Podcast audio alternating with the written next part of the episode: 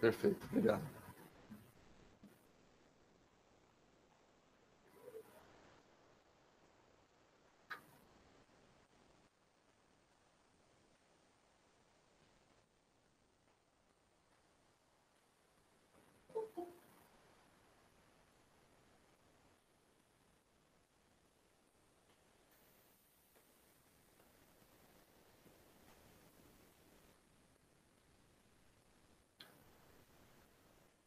Olá, alô você, aluno do nosso, do nosso curso General Teles Pires. Sou o professor Vasques, professor Idemar Vasques, professor de conhecimentos profissionais do, do, do GTEP.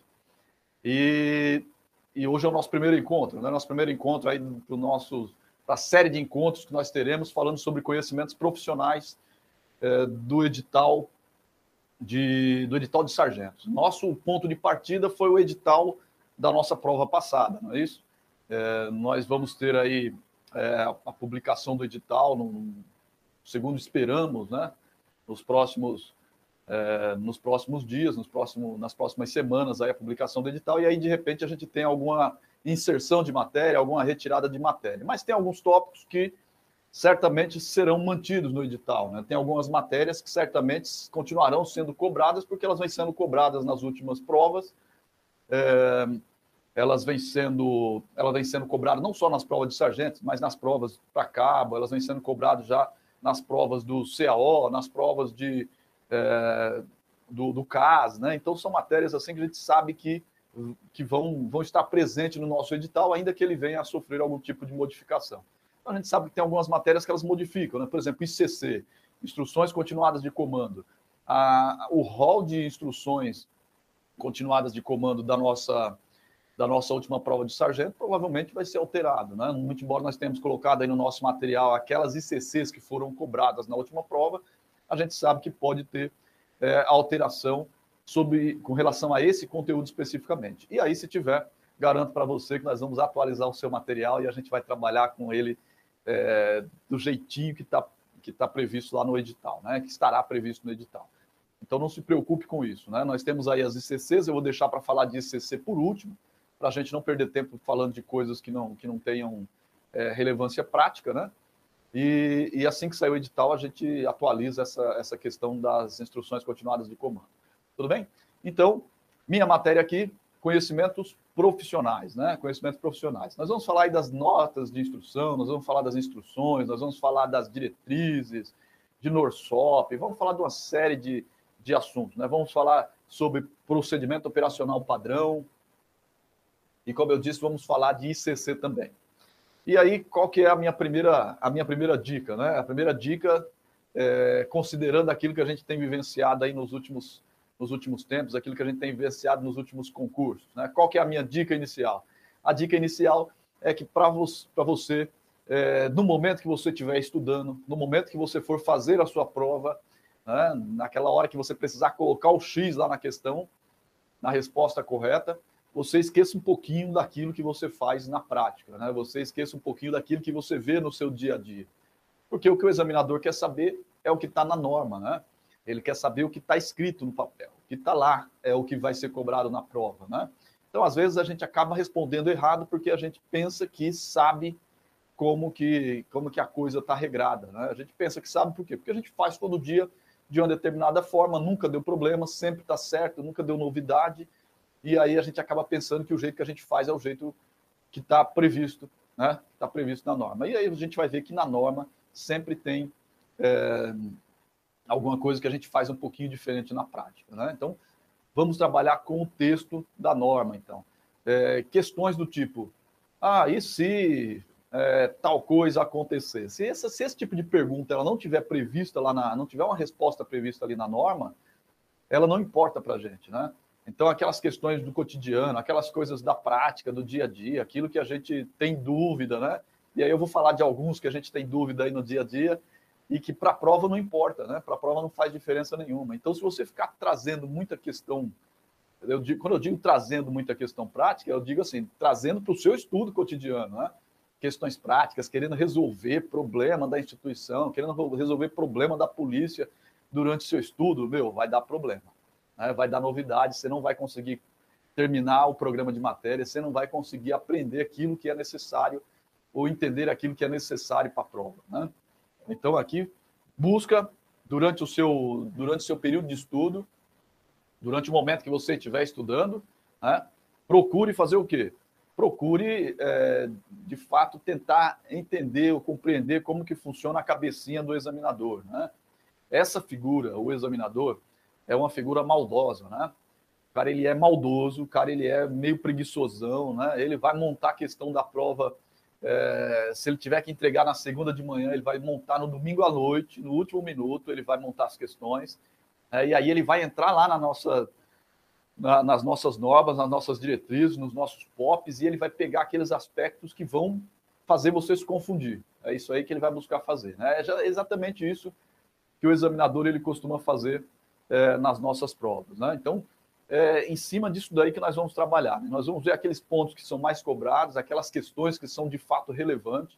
A gente vai cortar a volta é, de discussões muito elaboradas, discussões que têm muito a ver com política, estratégia de instituição, coisas que estão ali no mundo do, do, das decisões, é, das decisões políticas, das decisões estratégicas, enfim, né? E que na prova elas não têm, não têm relevância para a gente. Tudo bem? Então, o que, que eu fiz? Peguei lá o nosso, peguei lá o nosso edital, é, analisamos as últimas provas, coisas que a gente faz, na verdade, rotineiramente já. Né? A análise de, de questões de prova, análise de editais, é coisa que a gente já vem fazendo há muitos anos, né? Há muitos anos. Buscando direcionar o nosso bate-papo aqui para aqueles aspectos mais, mais importantes, mais relevantes. Tudo bem? É, alguém pode só confirmar aí para mim se meu áudio está legal, se, se a imagem está adequada? pessoal que está aí online.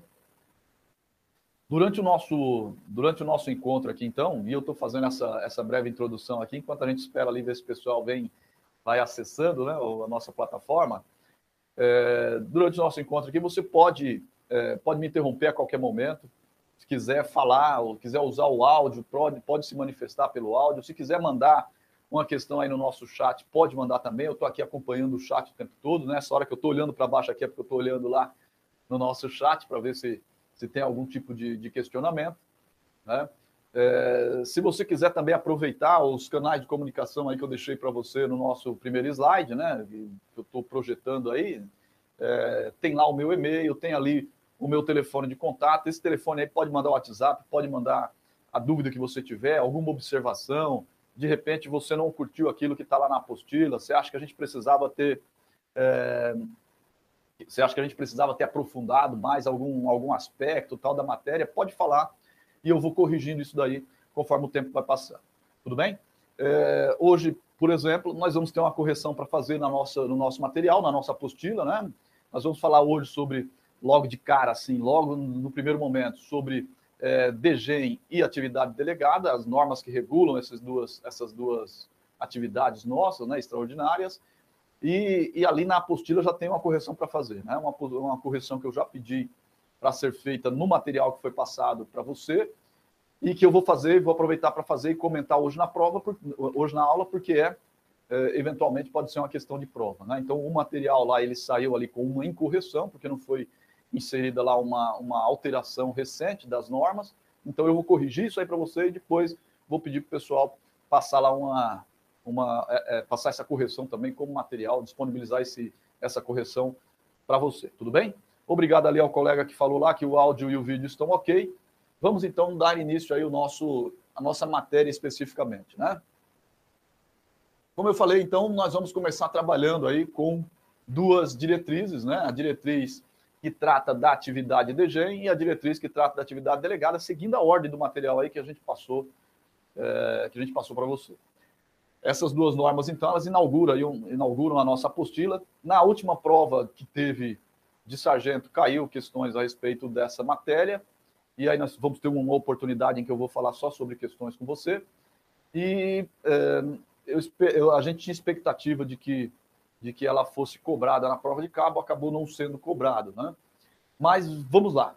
A nossa atividade DGEM, portanto, ela está regulada nessa diretriz aqui, que é a diretriz PM30020216, e ela teve várias alterações já, alterações bem recentes, né? Alterações ali de 2018, alterações de 2019, e essa alteração de 2020 aí, 002, 0220. Essa, essa alteração é a mais é a mais recente, né? Foi nessas alterações aí que teve essa mudança que eu falei que não foi inserido na sua na sua apostila que nós vamos inserir hum, vamos inserir agora. Tem muita coisa para a gente falar de DGEM? Tem muita coisa para cair sobre DGEM na prova? Não. Só a diretriz, embora ela seja longa, embora seja uma norma com, com bastante dispositivos, para cobrança em prova tem pouca coisa, de fato, né? E nós vamos, é, nós vamos direto para uma para aquele primeiro momento da diretriz em que ela diz é, quais são as atividades que podem ser é, remuneradas por meio de por meio de DGEM, né? Quais são as atividades que podem ser remuneradas por meio de DGEM? Se você pegar aí no seu material, só um minutinho que eu estou pegando aqui o meu material também, né? O meu vai estar aqui no, no nosso, o meu vai estar aqui nesse é, no celular, né? A minha apostila ela está aqui no celular, então não é que eu estou respondendo no WhatsApp, não estou respondendo mensagem, não estou não, não tô vendo nada particular, não. Estou acompanhando aí a matéria pelo pelo meu material que vai estar aqui no que vai estar aqui no celular. Então, se você pegar aí a sua apostila, você vai ver que no início do material eu já, já comecei falando da execução de fato da, da atividade DG, né? Ela está lá no item 6, 6.1 e dali em diante, né? O item 6.1, ele trata da conceituação e ele vai falar o que, que é a diária é, especial de jornada extraordinária de trabalho policial, o que, que é a DGEM. Ele vai falar o que é a DGEM no primeiro momento, né? Está lá nesse item 6.1. E no item 6.2 ele vai trazer as atividades passíveis de remuneração por meio de DGEM. Cai bastante em prova isso daí? Não cai. Isso aí não cai muito em prova, não. É até um, um dispositivo que volta e meia ele vem sendo alterado, volta e meia a gente insere alguma coisa ali, é, algum outro tipo de atividade conforme a conveniência da instituição, né? A gente, é, inicialmente, por exemplo, você não conseguia fazer é, para as atividades de Copom. Depois a gente colocou, ah, não dava para fazer para bombeiro, a gente inseriu lá também a de bombeiro. Então, cada vez a gente vai inserindo um, algum tipo de atividade. Mas o fato é que hoje nós temos esse rol aí. É, é possível de cobrar em prova? De repente, o examinador ele até resolva é, fazer uma questãozinha do tipo assim: são atividades passíveis de remuneração por meio de DGEM. E aí ele vai lá e coloca ali um monte de, de atividades que não são, né? ou ele faz uma questão falando assim: olha, transporte, escolta e custódia de presos, segurança nas escolas e, e, e é, guarda de quartel. Né? Seria um, um, tipo de questão que ele poderia fazer. É difícil, mas vamos tentar, como é, um, como é uma, uma, uma, partezinha da matéria bem, bem tranquila, vamos tentar aguardar aí aquelas, aquelas é, atividades que podem ser remuneradas por meio de DGEM hoje. Né? Na atualidade, nós temos ali transporte, escolta e custódia de preso. Né? Então, essa essa atividade aqui pode ser feita por meio de, de DGEM. A segurança escolar nas escolas estaduais, é isso que está previsto na norma. Se você der uma olhadinha lá no item 6.2.2, está lá, ó, segurança escolar dos estabelecimentos de ensino estaduais. Né? Isso é importante? É importante. Esse estaduais aí é importante. Por quê? Porque a gente sabe que a ronda escolar ela pode atuar né, em escolas estaduais, municipais e inclusive nas escolas particulares, seguindo essa ordem aí de prioridade, né? É, seguindo essa ordem de prioridade. A gente vai ver depois diretriz de policiamento escolar e você vai ver que tem essa prioridade aí. Mas enfim, a ronda escolar ela pode atuar na escola estadual, municipal e nas escolas privadas. Agora, a DGEM ela só pode ser feita ali, ó, na segurança escolar dos estabelecimentos de ensino estaduais. Viu só? Então, toma cuidado. Se falar assim, ó, pode fazer DGEM em segurança escolar nas escolas municipais, já vai estar errado. E é isso aí que o examinador ele pega. Tudo bem? Igual no primeiro item, olha lá. Transporte, escolta e custódia de presos. O examinador ele pode falar assim: olha, é possível ter DG na, no, na escolta de presos, mas não no transporte na custódia. E aí vai estar errado da mesma forma. Entendeu? Então, nos três momentos ali, ó. O que é escolta? Escolta é o acompanhamento que eu faço, né, como um todo. Né? O transporte é levar o preso de um lugar para o outro. E a custódia é, é, a guarda do preso num determinado ponto estático. Né? Então, a custódia do preso, por exemplo, dentro do fórum, lá na, na sala, antes dele, dele, dele ir para a audiência. Né? É a custódia do preso. Eu estou mantendo ele ali comigo durante um determinado tempo. Então, nessas três etapas, seja na escolta em si, seja no transporte, seja na custódia, é possível fazer isso por meio de DG. Então, eu posso ter uma DG lá no Tribunal de Justiça só para fazer a custódia do preso lá antes da audiência e depois da audiência? Pode posso ter. Tudo bem? Ah, ações e operações em ASP. Essa aqui era a ideia inicial da, da própria da própria DGEM, né? Era, esse o, era essa a finalidade básica dela, né? Participação em ações e operações policiais voltadas para áreas de interesse da segurança pública. Então, era o reforço do policiamento, né? Reforço do policiamento em ASP, pode, sim. Atendimento, despacho de ocorrências, está lá, olha. Atuação no reforço ao serviço de atendimento e chamados de emergência e despacho de ocorrências. É a DG do Copom, né? Que no começo foi uma briga para a gente conseguir colocar e aí foi inserido na norma, né? Atendimento e despacho de ocorrência. É possível, sim.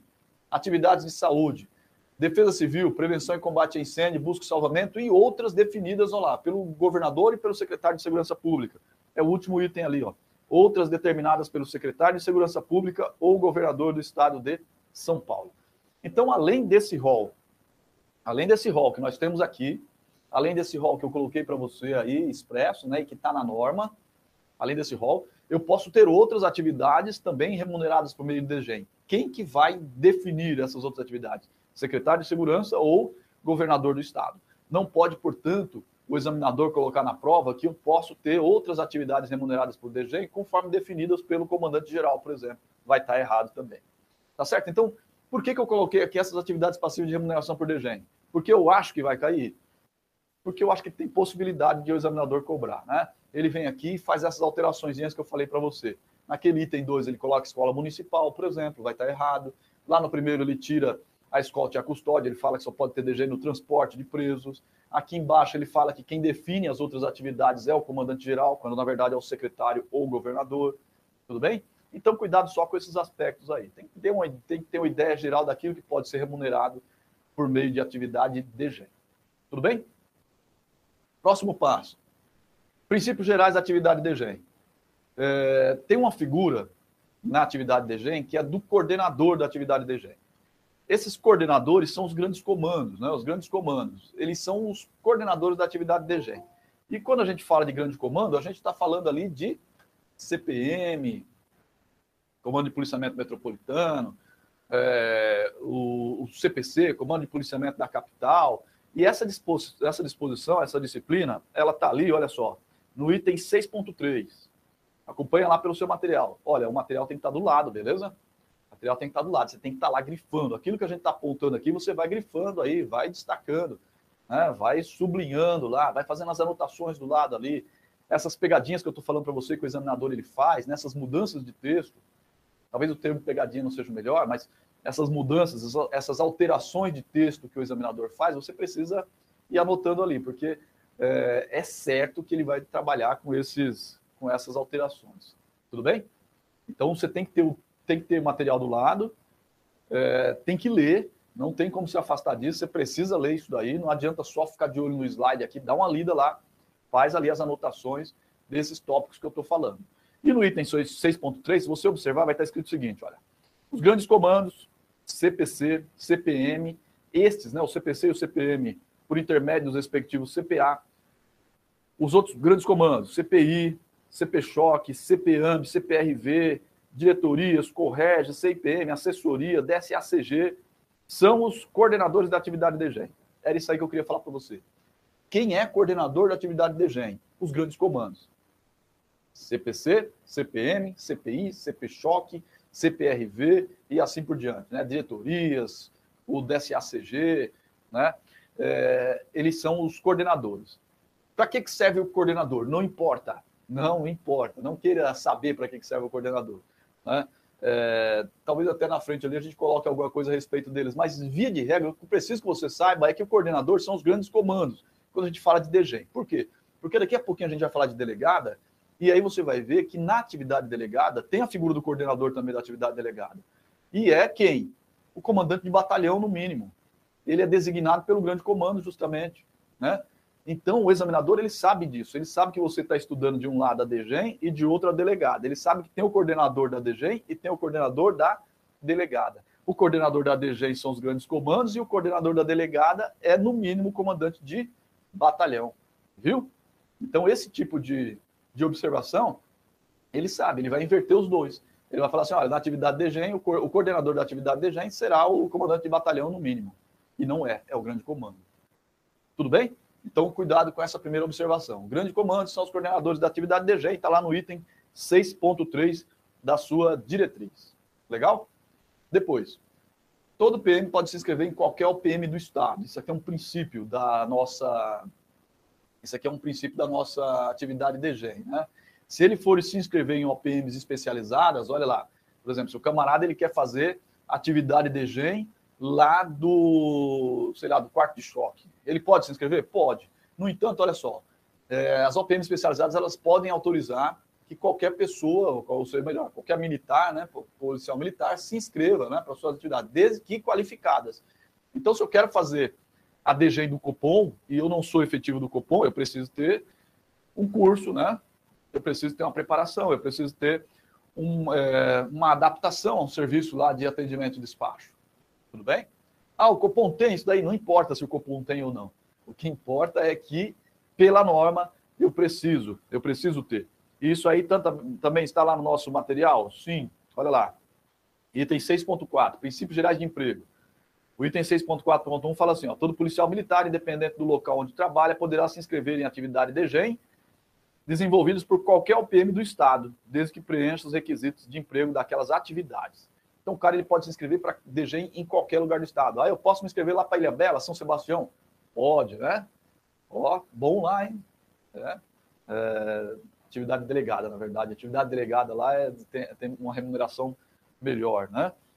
É, depois, no item 6.4.2, ele fala ali, os efetivos do CPC, do CPM, do CPI, dos órgãos de direção e apoio, das assessorias, da Casa Militar, poderá se inscrever em atividade de GEM. Cadê? Poderão se ser empregados nas atividades desenvolvidas pelo CPCHOC, CPAM, CPRV, ou seja, ele está falando assim, o pessoal que é, das, que é de, de unidade não especializada pode se inscrever para DGEM ou OPM especializada. E aí ele diz na sequência, bem como nas executadas na área de saúde e defesa civil, somente quando permitido pela autoridade responsável pela escala, somente quando permitido. Então, as autoridades elas podem autorizar isso daí. E depois ele diz o seguinte: e desde que habilitados e treinados, aptos para o exercício da atividade DGEM dessas OPMs. Então, quando eu quiser trabalhar na DGEM de alguma OPM especializada, primeiro, a autoridade que, que, que, é, providencia a escala, ela tem que autorizar, e segundo, eu tenho que estar preparado, eu tenho que estar adaptado, eu tenho que estar treinado para o desempenho daquelas atividades. Tudo bem? Maravilha? E aí é, a norma vem e diz assim: o comandante, chefe, diretor de OPM responsável pela atividade de GEM deverá, no ato da criação da escala, esclarecer os conhecimentos ou habilidades técnicas necessárias ao cumprimento da atividade. Então ele está falando, quem criar, fala o que é necessário que o militar quais são os conhecimentos necessários, habilidades técnicas necessárias para que ele possa desempenhar a atividade delegada. Tudo bem? Legal. É também um princípio geral esse de distribuição de vagas. Né? Então, as vagas da atividade de GEM, uma vez que elas são criadas, e elas são criadas como? Elas são criadas conforme eu tenho disponibilidade financeira e orçamentária. Né? Se eu tive o dinheiro, eu crio as vagas. E aí, uma vez que eu criei as vagas, quem, quem disponibiliza essas vagas é o subcomandante PM, ele passa para o coordenador operacional da PM e ele vai jogar lá para o coordenador da atividade delegada, que são justamente os grandes comandos, né? Ele fala assim, ó, você, CPC, você tem X vagas de atividade delegada. Você, CPI, X, você tem tantas vagas de atividade delegada. Ou, perdão, de atividade DGEM, né? Ele está falando de DGEM, de atividade DGEM. Você tem tantas vagas. E aí, é, cada, cada grande comando vai dizer onde vai empregar essas vagas aí. Então tem um número limitado de vagas de acordo com o SJ que eu tenho para pagar, né? De acordo com o dinheiro que eu tenho, a previsão orçamentária que eu tenho. Então ele vai criar essas vagas, vai distribuir ali para os grandes comandos e cada grande comando distribui conforme as suas necessidades. Pode haver deslocamento para atender determinada demanda? Pode sim, né? Do mesmo jeito que o coordenador operacional ele manda lá para um grande comando, ele eventualmente pode ter uma novidade na instituição e ele precisa dessas vagas para ser alocadas em outro ponto. E aí ele pode fazer. Tanto o grande comando pode fazer dentro da sua área, quanto o coordenador operacional também pode fazer dentro da PM como um todo. Né? É, isso daí está lá previsto na nossa, na nossa norma, né? no item 6.6, dos locais para a realização da atividade de DGEM. Então, ele vai dizer, justamente ali no, nos itens iniciais, ó, o coordenador de atividade de DGEM pode receber do coordenador operacional as vagas, poderá determinar os locais em que essas vagas deverão ser empregadas ou delegar essa faculdade aos escalões subordinados. Então, uma vez lá que os grandes comandos recebem do coordenador operacional, ele diz onde vai fazer atividade DG. E ele pode remanejar conforme a necessidade dentro do grande comando. Pensa assim, por exemplo, o CPC, dentro do CPC, ele pode remanejar as vagas de atividade DG conforme a necessidade dele, né? Imagina que eu vou ter um evento gigantesco lá na Paulista e eu preciso de algumas vagas de DGEM que estavam lá no, no, no, M3. Eu pego do M3, jogo lá no M1, jogo lá na Paulista. Tudo bem? Essas vagas. E aí tem algumas disposições aí que são, que são boas para a nossa prova, né? Coloquei no nosso slide, olha. É, o item 6.6.2 da diretriz, ele fala o seguinte: em casos excepcionais de perturbação da ordem pública, ocorrência de desastres ou realização inopinária de evento que requeira reforço e ou apoio de efetivo empregado em atividade de GEM, a autoridade competente poderá deslocar esse contingente para atender a referida demanda. Então, veja só, o que ele está falando aqui? Aconteceu alguma coisa excepcional e eu preciso do efetivo. Eu posso pegar o efetivo de um lugar e levar para outro. Tudo bem? Aqui ele está falando durante o turno de serviço. Então, pode haver deslocamento para atender demanda durante o meu turno de DGEM. Então, é assim: eu fui fazer a DGEM num determinado ponto, já estava lá trabalhando. Surgiu ali uma eventualidade. Autoridade competente, a norma não fala quem é, a norma não fala quem é. Na sua prova, ninguém vai perguntar quem é, porque não está previsto. Só está falando que é autoridade competente. Então, não se preocupe com isso. Eu vou estar tá lá fazendo a DGEM, de repente vai vir uma ordem superior para que eu saia daquele ponto onde eu estou e vá para um outro ponto para atuar. É possível fazer isso? Sim, a diretriz ela prevê. Tudo bem?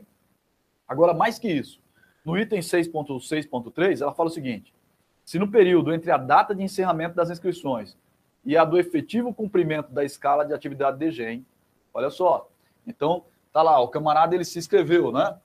O cara fez a inscrição lá para atividade de GEM, ele fez a inscrição para atividade de GEM, o tempo passou, aqui é a data em que vai ter a atividade de fato, né? A data da DG. Nesse intervalo de tempo aqui, né, nesse intervalo de tempo, né, olha o que acontece. É, for noticiado evento que requer o emprego do contingente. Então, aqui não é durante a atividade. O item anterior, ele fala durante o cumprimento da atividade. Eu já estava lá no local e eu fui movimentado. Aqui ele está falando, nesse intervalo de tempo, estava previsto para fazer a DG em um determinado ponto, surgiu um evento é, extraordinário que exige o emprego do efetivo em outro. É possível, é, é possível mudar de lugar? Sim. Esse item ele fala assim: olha, é, por noticiado é, evento que requer o emprego do contingente, a autoridade competente poderá remanejar os voluntários e escalá-los em outro local e horário. Viu? Pode remanejar, escalar em outro horário e em outro local. Então, aí eu me inscrevi para fazer a DGEM, né, lá, sei lá, no Paris, na Feirinha da Madrugada, lá no Braz, na Feirinha da Madrugada. Mas aí vai ter um outro evento e eu vou precisar empregar esse efetivo é, lá, sei lá, na Vila Madalena. É possível fazer esse, esse remanejamento, né? É possível fazer, tem parâmetros para isso. Né? E quais são esses parâmetros? Olha só.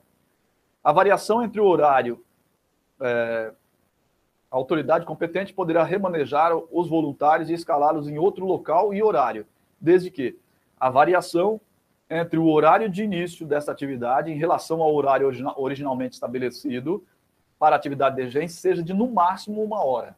Então, eu me inscrevi para uma DGEM que começava às 14. A autoridade ela pode me escalar em outro horário, desde que no máximo uma hora. Então, no máximo vai começar às 13 e no máximo vai começar às 15 horas ali. Né? Então, a variação de no máximo uma hora, é, tanto para mais quanto para menos. Depois, o que mais? Desde que certifique-se, está lá no item 6.6.3.2, certifique-se de que o policial militar será empregado em seu horário de folga. Então, não é simplesmente manejar o cara de horário e de local. Tem um limite de horário que pode e tem que ver se o cara vai estar de fato de folga. Né? Será empregado em seu horário de folga que estará apto a cumprir ininterruptamente o turno de serviço estabelecido nessa escala. E depois, mais que isso, certifique-se de que todo o efetivo que foi voluntário ou escalado para atuar em determinada atividade de GEM tome ciência da alteração do horário, local e tipo de atividade que será desenvolvida. Tudo bem? Compreendeu isso aí? Então, posso mudar o camarada de, de horário e de local? Pode. O cara se inscreveu para trabalhar na feirinha da madrugada, eu vou mudar esse camarada aqui para ele trabalhar no centro de São Paulo, lá na, sei lá, na, é, lá no, no, pátio do colégio. Posso mudar? Pode, pode mudar. Ah, eu posso mudar o horário? Pode, desde que você não passe uma hora para mais, nem uma hora para menos ali, tem que ter esse limite. Tem que se certificar de que o cara está de folga, de fato, tem que verificar se ele vai estar tá de folga, se eu não vou estar. Tá... O cara se voluntariou para um determinado horário, eu estou mudando o horário dele, tem que ver se ele vai estar tá de folga mesmo e se ele pode cumprir a DG inteirinha. E depois, eu tenho que avisar para ele. Falar assim, meu, eu, você estava em tal lugar, eu estou te avisando que nós mudamos você para outro lugar, ali você ia trabalhar na, na DGEM, é, é, voltada para o policiamento, né, num determinado ponto, eu estou mudando você para uma manifestação que vai ter em outro lugar. Então tem que avisar. Foi isso que eu deixei aqui marcado. Tudo bem? É, cuidado com essa variação de uma hora, por isso que eu destaquei aí no nosso slide. Variação de no máximo uma hora do horário original. O examinador ele vai falar que pode mudar duas horas, no máximo 30 minutos, no máximo uma hora e meia. Ele vai colocar um outro horário aí, uma outra variação de tempo. Tudo bem? ou ele vai dizer que não pode mudar de forma nenhuma de lugar, ou que pode mudar de lugar, mas não pode mudar de horário, ou que pode mudar de horário, mas desde que seja mantido o mesmo local, e assim por diante. Tudo bem? Toma cuidado só com esses aspectos aí, então, quando a gente fala dos princípios gerais. Quem que pode fazer essa alteração? A autoridade competente. Quem que é a autoridade competente? A norma não fala. Tudo bem? Ah, se a norma não fala e o examinador falar, ele vai estar, tá, a gente vai ter que considerar a questão errada. Então, se ele falar assim, olha, o comandante de CPA pode fazer isso, é, a gente vai ter que considerar essa resposta como incorreta e passível de recurso, uma vez que a norma não diz que é o comandante de CPA, ela fala que é a autoridade competente. Tudo bem? Então, volta lá, dá uma lida lá. Ó. Vamos dar uma lida de novo, hein? Estou falando porque essa questão aqui é importante, eu acho que ela é questão passível de cair em prova. É... Em casos excepcionais de perturbação, item 6.6.2 em casos excepcionais de perturbação da ordem pública, ocorrência de desastre ou realização inopinada de evento que requeira reforço ou apoio de efetivo empregado na atividade de GEM, a autoridade competente poderá deslocar esse contingente para atender a referida demanda. No período eh, entre a data de encerramento das inscrições e a do efetivo cumprimento da escala de atividade de GEM, for noticiado evento que requeira o emprego de contingente, a autoridade competente poderá remanejar os voluntários e escalá-los em outro local e horário desde que aí traz lá a variação de tempo. Tudo bem? Então, estou lendo com você, mas você tem que ler também, tá certo? Não adianta só ler uma vez aqui comigo, não. Depois dá uma passadinha de olho, lê outra vez, vai relembrando desses pontos aí que a gente foi falando aqui. Tranquilos? Maravilha. Requisitos. Os requisitos para que eu possa participar da atividade DG, eles estão ali no item 6.7. Tem lá no seu material também, né? Item 6.7. É, inicialmente, a gente tem que, tem que, observar esse aspecto aqui, né? Quem que atesta né, o, o atendimento dos requisitos? É o próprio policial, né? Então, não é a administração que tem que ficar olhando se o cara está no bom comportamento, não é a administração que tem que estar tá olhando se o cara está apto no TAF ou no TAT. Eu vou acreditar naquilo que ele está falando e vou, eventualmente, ali fazer algumas análises pontuais, né? Eu vou pegar por amostragem, vou verificar por amostragem o atendimento dos requisitos, a norma até exige isso mas quem atesta de fato, quem fala que está apto, é o próprio policial, no momento em que ele vai se inscrever. Tá? Isso aí tem lá no, no item 6.7.1. Para participar da atividade, o policial militar deve cumprir todos os requisitos previstos nos subitens a seguir, tanto no momento de sua inscrição, quanto no período de cumprimento da escala. A responsabilidade por atestar o cumprimento dos requisitos é exclusiva do policial militar voluntário, que o fará preencher a planilha, tal, tal, tal. Então, aqui qual é a minha preocupação? O examinador ele vai falar que a, a responsabilidade por atestar o cumprimento do requisito é do P1, é do P3, é do comandante de companhia, ele vai falar que é de qualquer outra pessoa, menos que é do próprio policial militar. Tudo bem? Então, quem atesta requisito, próprio PM. Deve atender, ele deve atender aos requisitos no momento da inscrição e também quando ele for atuar lá na frente, porque ele faz inscrição em momentos diferentes, né? Então, imagina, o camarada ele fez a inscrição hoje para uma atividade de GEM daqui a 20 dias. Nesse intervalo de tempo ali, por exemplo, ele se envolveu numa ocorrência com resultado morte e ter, pegou uma restrição de serviço operacional. Ele pode fazer a DGEM? Não pode. Ele não tinha uma restrição e lá na frente ele passa a ter. Tudo bem? Tranquilo, né? Bom, e aí a gente tem aqueles requisitos genéricos, né? O militar ele deve ser voluntário, ele tem que estar de folga, tem que estar no bom comportamento, tem que estar apto no TAT e no TAF. É, e quanto a essa questão da aptidão no, no TAF e no TAT, eu coloquei ali observação, né? É, as atividades de as atividades no Copom e as atividades na área de saúde, elas não exigem aptidão no TAF e no TAT. As atividades de bombeiro, elas exigem aptidão apenas no TAF, né? E não no TAT. Então, genericamente, eu tenho que estar apto no TAF e no TAT. Para o Copom e para as atividades de saúde, só preciso, é, é, é, esses requisitos eles não são exigidos. E para as atividades de bombeiro, só tem que estar apto no TAF. É, é a norma que trata dessa forma. E aí, no próximo. É, então, a norma nos itens ali, nos subitens desse item 6.7.1, ela vai trazendo ali, ó, ser voluntário, estar de folga, estar no mínimo no comportamento bom, estar apto no TAF e no TAT, é, exceto nesses casos que eu falei, estar habilitado e treinado para executar atividade, é aquela exigência inicial que nós, que nós trouxemos, né? Toda vez que eu for fazer uma atividade de gente que não está relacionada com a minha própria função, eu tenho que estar habilitado de algum modo, né? Então, vou trabalhar no cupom, tem que ter o curso lá de atendente ou de despachante, ou um estágio para adaptação, alguma coisa do gênero. É, não está em gozo de afastamento regulamentar de qualquer natureza, exceto licença prêmio. Acho que eu coloquei essa daí no próximo slide aqui. Isso. O que eu queria falar para você é essa, é essa questão aqui do soldado de segunda classe. É essa alteração aqui que está incorreta aí na sua, na sua apostila. Então anota aí para mim, por gentileza.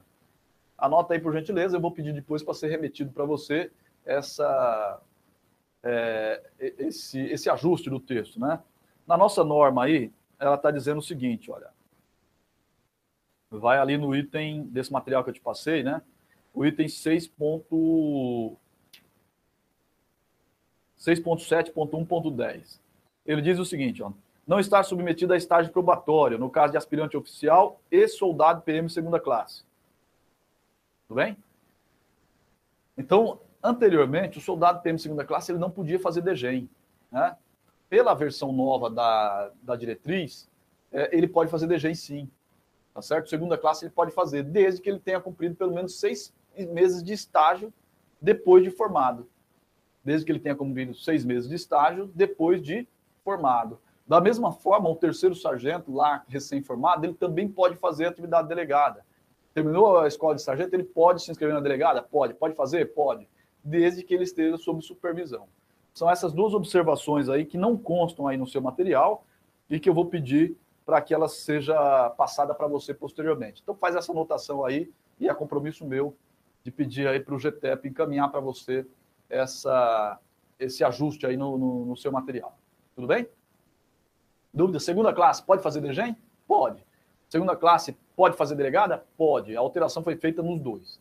Desde que ele tenha cumprido pelo menos seis meses de estágio probatório após o quê? Após a sua formatura. Tá certo? É, se você pensar que antes o nosso estágio probatório era de dois anos para o soldado, né? E hoje ele passou a ser de três anos, né? Depois da, da edição da lei de ingresso camarada ele ficava muito tempo sem poder fazer DGEM, muito tempo sem poder fazer delegada, né? Ele fazia um ano de curso de formação e depois ele tinha que ficar dois anos é, é, é até poder se inscrever. Mais dois anos sem poder se inscrever para DGEM, sem poder se inscrever para delegada. Visando é, evitar isso daí, é que foi inserido na norma, então, essa, essa ressalva. Segunda classe, ele pode fazer atividade de DGEM? Pode, mas ele tem que ter um mínimo de seis meses ali de atividade é, de, de, estágio probatório depois de, depois de formado. E o aspirante? O aspirante continua não podendo fazer, né? Não, é, a restrição ela continua existindo. Tudo bem? Tranquilos? Posso avançar? Maravilha. É, ainda como requisito, nós temos aí, olha, o, o militar, para desempenhar atividade de GEM, ele não, ele não pode estar né, em gozo de qualquer afastamento, exceto licença-prêmio. Isso aqui é importante, isso aqui é relevante. Por quê? Porque é, quando a gente fala de atividade delegada, e, e sempre que eu estou estudando de DGEM, não tem jeito, eu tenho que comparar DGEM com delegada. Toda vez que eu estou estudando, por isso que a gente fala das duas, uma depois da outra, né? Porque toda vez que eu estou estudando, eu preciso fazer essa comparação. Quando a gente fala de DGEM, o camarada, ele pode estar fruindo outro tipo de afastamento. Ele pode estar, por exemplo, de férias e fazer DGEM. Pode fazer delegada? Pode. Ele pode estar de DR e fazer delegada? Pode. Pode fazer delegada de DR? Pode. Né? É, para a DGEM, não. Ele tem que estar no gozo de qualquer afastamento, ele não pode estar no gozo de qualquer afastamento, exceto licença prêmio. Então, ele só pode fazer DGEM durante a licença prêmio. Durante as férias, ele pode? Não, não pode. Toma cuidado aí, porque cai prova. Né? É, o examinador ele vai falar que eu posso fazer DGEM quando eu tiver de férias, e aí, pela norma, eu não posso. Tranquilos? não pode estar com restrição, seja ela médica, administrativa, judicial. Então, qualquer tipo de restrição é, de emprego operacional é, é vedado fazer DGEM também. Eu estou com restrição do PAPM, não pode fazer DGEM. Estou com restrição médica, uma restrição para uso de uniforme, não pode fazer DGEM, obviamente. Né? Ah, eu estou com restrição, é, uma restrição judicial lá porque está suspenso a minha carga, a minha, o meu porte de arma por uma decisão da Justiça Militar eu também não posso fazer DGEM, porque eu tenho uma restrição que impede o meu emprego operacional. Tudo bem? Vamos lá. Também não pode estar cumprindo pena por qualquer crime. Isso aí também é uma, é uma exigência, né? Mesmo que seja concedido benefício. Aqui, por que, que eu destaco esse, esse item especificamente? Porque, é, veja só, imagina que o policial militar ele foi condenado a seis meses de detenção por a prática de um crime militar e foi concedido para ele a suspensão é, condicional da, da pena. Suspensão condicional da pena. Ou então ele está é, ele está cumprindo pena e foi concedido para ele o livramento condicional. Né? São, são benefícios que são concedidos para aquele que está cumprindo uma determinada pena e que interferem no, no, no desempenho da atividade de DGEM. Olha como é que o texto da norma ele fala. É... Deixa eu encontrar aqui. O item 6.7.1.8 não está cumprindo pena pela, por cometimento de crime de qualquer natureza. Não está cumprindo pena por cometimento de crime de qualquer natureza. Mesmo que lhe tenha sido concedido benefício, com homenagem, liberdade provisória e assim por diante. Viu aí? É, tá certo ali que é, homenagem e liberdade provisória não são benefícios que são concedidos durante o cumprimento de pena, né? Mas eles foram enumerados aqui. Eles foram enumerados aqui. Então eu tenho que considerar verdadeira uma assertiva nesse sentido. Né? A minha preocupação é o examinador ele falar assim, olha, é, ele só não pode fazer delegado se ele estiver cumprindo pena por crime militar. Não é, é crime de qualquer natureza. Ah, ele não pode fazer degem se ele estiver cumprindo pena por crimes contra a autoridade da disciplina militar. Está errado, é qualquer tipo de crime, não é só com relação a esse crime aí. Tá certo? Então, aqui, quando ele fala qualquer natureza, qualquer natureza mesmo. É, e depois, mesmo que ele tenha mesmo que ele seja é, concedido qualquer benefício, qualquer benefício é qualquer um mesmo. Então, aqui, se ele fizer uma restrição, ah, qualquer benefício exceto a suspensão condicional da pena. Vai estar errado. Por quê? Porque não tem essa exceção na norma. E são questões que na prática a gente discute, né? São questões que na prática a gente discute, que o examinador ele pode trazer essa discussão da prática para a prova, e aí a gente se equivoca, a gente acaba se confundindo. Por que, que eu falo isso? Porque hoje é uma discussão que, que, é, que, é, que é presente. O cara fala assim: olha, é, o camarada que tem a suspensão condicional da pena, ele está cumprindo a pena? É, não. Ele não está cumprindo a pena, ele está a suspensão condicional da pena. Ela está suspensa, então ele não está cumprindo. Ah, então esse cara pode fazer degem? Bom, a suspensão condicional da pena é um benefício que é concedido, né? É um benefício que é concedido. Na prática, a gente fala assim, ó, se o cara tiver com suspensão condicional da pena, ele pode fazer DGEM, né? Mas para provas, se, se aparecer uma, uma assertiva dessa natureza aqui, eu vou ter, eu vou, é, é, a questão ela se torna passiva de recurso. Por quê? Porque a norma ela não fala nesse sentido. Viu que eu falei para você sobre trazer discussões do dia a dia para a prova? O examinador ele tem que colocar exatamente da forma como está aqui nesse item, para estar tá correto. Ele tem que colocar exatamente a literalidade da disposição. Ele, tá, ele tem que pôr o seguinte: ele tem que pôr assim, ó. É, cadê? Não está cumprindo pena por cometimento de crime de qualquer natureza, mesmo que lhe seja concedido qualquer benefício, bem como em homenagem ou liberdade provisória. Então ele tem que deixar exatamente do jeito que está aqui. Se ele tirar alguma coisa ou outra, é, vai ficar errado. Imagina que ele chega aqui e coloca lá no finalzinho exceto a homenagem à liberdade provisória. Vai estar errado também. Né? A alternativa vai estar errada. Ele coloca o restante tudo igualzinho, aí ele vem e coloca exceto homenagem à liberdade provisória. Esses dois benefícios, eles não são concedidos durante o cumprimento da pena. Eles são concedidos antecipadamente. A mensagem, a homenagem à liberdade provisória são espécies de benefícios concedidos para aquela pessoa que é presa em flagrante. Né? O cara foi preso em flagrante, eu concedo para ele liberdade provisória até que ele seja julgado é, ele foi preso em flagrante, eu concedo para ele a homenagem, que é uma espécie também de, de liberdade provisória. Né? É um instituto semelhante lá do direito penal militar, né? É, concedi para ele, ele não está cumprindo pena ainda, mas ele também não pode fazer degem durante esse período de tempo aí. tá certo? Então, muito cuidado com essa assertiva aqui especificamente. Ó. Cumprindo pena por crime de qualquer natureza, mesmo que lhe seja concedido qualquer benefício. O militar também não pode estar frequentando curso para fazer a DGEM. Não pode estar frequentando curso, seja curso de formação, de habilitação, aperfeiçoamento, adaptação, especialização. São tipos de curso que nós temos na instituição. Então, por exemplo, curso de formação de soldado, curso de formação de sargento, curso de formação de oficiais, não pode fazer DGEM enquanto estiver fazendo esse curso. Esses cursos aí, o cabo lá que está fazendo o curso de formação de sargento não pode fazer DGEM durante o curso. Curso de habilitação, por exemplo, CH, o curso de habilitação ao quadro auxiliar né, de oficiais, o CH, que é a OPM, o CESTA-PM, como queiram. Né? É, é, não, pode, não pode fazer durante o curso de habilitação, fazer atividade de DGEM. Aperfeiçoamento, curso de aperfeiçoamento de oficiais, o CAO para os capitães, o, o CAS para os sargentos, né? o, CA, o, o CAS para sargentos, é curso de aperfeiçoamento. Curso de adaptação, por exemplo, de, oficial, de oficiais médicos, o curso de especialização, e aí a gente traz um rol enorme de cursos de especialização, né? Curso de força tática, curso de PPJ, curso, enfim, todos os cursos de especialização, né? É, policiamento em, praças desportivas, é, policiamento em eventos, né? Todos esses cursos de especialização, durante os cursos eu não posso fazer atividade de DG. No entanto, a norma ela traz uma exceção, né? exceto naqueles cursos que sejam integralmente em EAD. Curso que seja integralmente em EAD. Então, se eu tenho um curso na instituição, e aí agora não vou lembrar de algum que seja integralmente em EAD, um curso que seja integralmente feito, totalmente feito em, é, em EAD. Nesse curso, durante esse curso, eu posso fazer atividade de DG. E também naqueles cursos que são parcialmente em, em EAD, durante a fase virtual eu posso fazer também a atividade de DGEM, eu posso frequentar a atividade de DGEM. Então pensa lá no curso de formação de sargento, curso de formação não, né?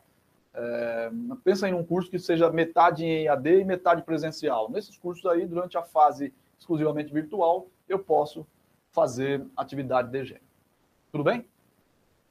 Legal.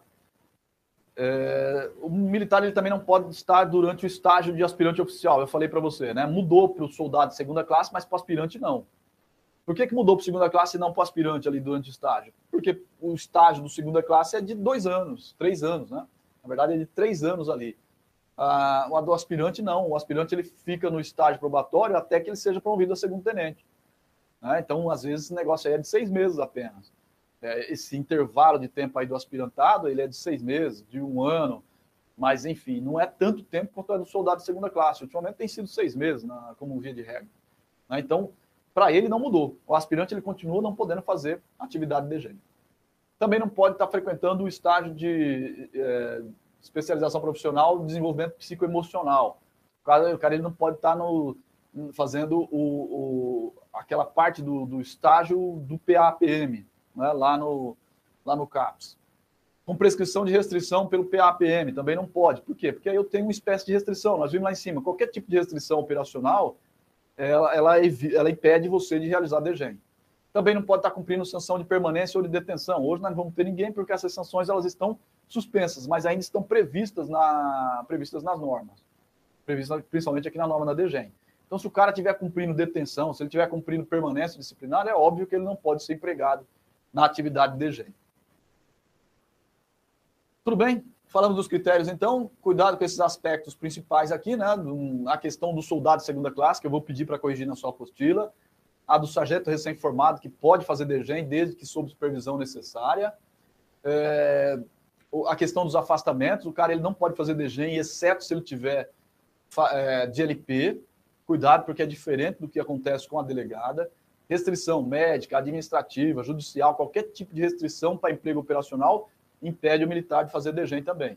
Ele não pode estar frequentando curso nenhum de formação, habilitação, aperfeiçoamento, adaptação, especialização, exceto nos cursos integrais virtuais ou naqueles com a fase virtual durante esta. Né?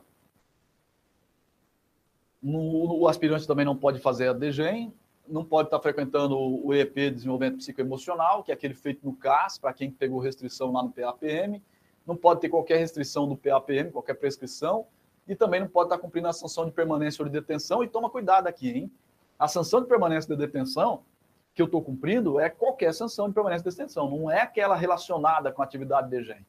Não é só naqueles casos em que a sanção ela for originada da DGEM. É qualquer caso. Fui punido lá por uma outra razão qualquer, porque pratiquei uma transgressão durante minha atividade operacional rotineira. É, posso fazer DGEM se eu tiver cumprido permanência ou detenção? Não. Então não tem relação nenhuma com a atividade DGEM. Beleza? Pode ser ou pode não ser decorrente da atividade DGEM essas sanções aí. Toma cuidado com o examinador, ele vai falar assim, ó, cumprindo sanção de permanência ou detenção, desde que relacionada com a atividade DGEM. E aí vai estar errado. Maravilha? Show de bola. O que mais que a gente tem que falar? Critérios de seleção. É... Daqui a pouco a gente vai falar de atividade delegada e a gente vai ver que tem uma distinção. Esses, esses requisitos, eles são um pouquinho distintos. E aí eu relembro para você como que a gente tratava aqui na DGEM, né? Mas veja ali, ó, critério de seleção. O que, que eu estou falando aqui? É, do que, que a gente vai tratar nesse, nesse ponto? A gente vai falar o seguinte: eu tenho é, uma quantidade X de inscritos que geralmente é maior do que uma quantidade de vagas que eu tenho para fazer DGEM. Como que eu escolho? Como que eu seleciono quem vai ocupar as vagas da DGEM? No comando de policiamento da capital e no comando de policiamento metropolitano, eu vou escolher primeiro policial militar da companhia, da área onde a DGEM está sendo realizada. Então, pego lá a relação, vou lá dar uma olhadinha, vejo lá os policiais que são da companhia da área. Escala esses caras. Sobraram vaga. Pego os PMs do batalhão. Sobraram vaga. Pego o PM do CPA. Né? É, sobrou vaga, pega os PMs das outras OPMs do, do Estado, de qualquer lugar. Pega os policiais das OPMs do Estado de qualquer lugar e coloco lá nessas vagas que estão sobrando e eles vão disputar em critério de igualdade, em pé de igualdade. No comando de policiamento do interior, eu vou pegar é, os policiais do CPI, olha lá, das OPMs do CPI, num bloco. Então, para atividade de GEM, por exemplo, lá no CPI 8, eu vou pegar aquele rol de inscritos e vou dividir em, duas, em dois blocos apenas. Eu vou dividir entre o pessoal que é do CPI e o pessoal que não é do CPI. Escolho primeiro entre, os pessoal, entre o pessoal do CPI. Sobre o vaga, pego o pessoal das outras unidades e coloco nas vagas remanescentes. Tudo bem? É assim que eu faço. Na capital, eu vou pela companhia, batalhão CPA e depois as demais OPMs. No interior, CPI e demais OPMs em dois blocos apenas. É assim que eu faço o critério. Ah, vai, pode cobrar isso aqui na, na, na prova? Eu acho difícil, mas como é critério de seleção, não importa a gente, a gente conhecer. Depois ele fala o seguinte: nas OPM especializadas, CP Choque, CPAMB, CPRV, como que eu faço? É o mesmo critério do CPC e do CPM ali. Ó. Então, PM da companhia, do batalhão, do CPA e depois das demais OPMs.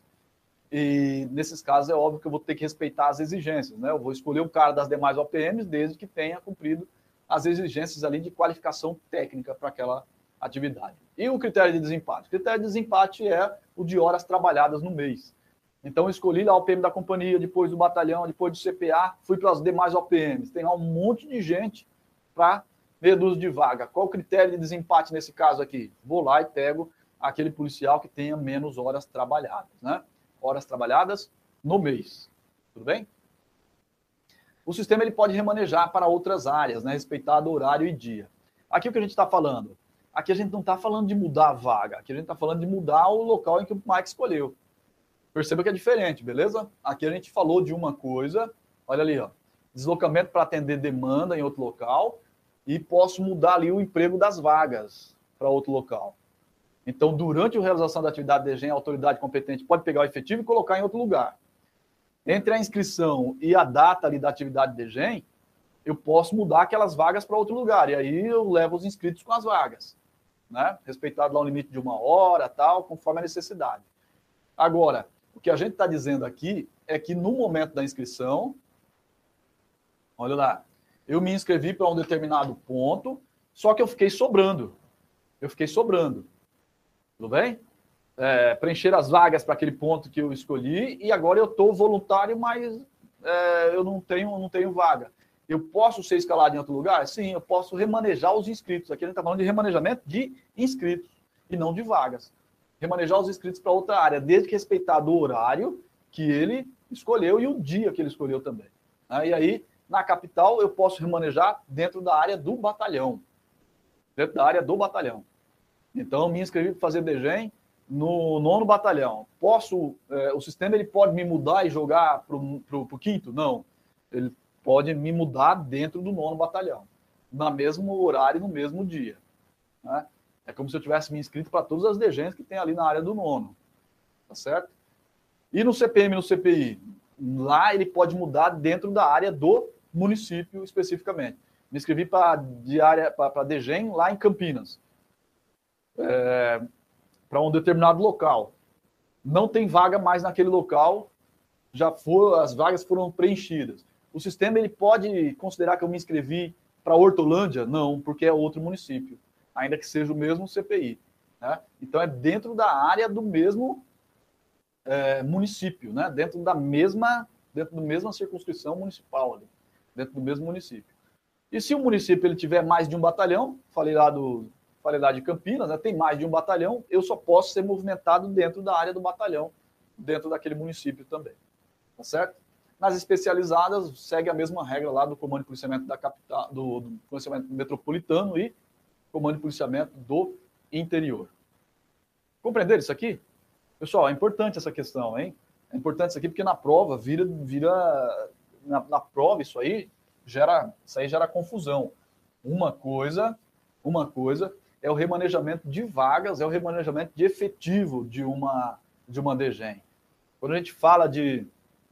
Quando a gente estava tratando daquela, daquela questão inicial ali de remanejar vagas, é um ajuste da DGEM. Veja, a DGEM é reforço ou apoio de policiamento.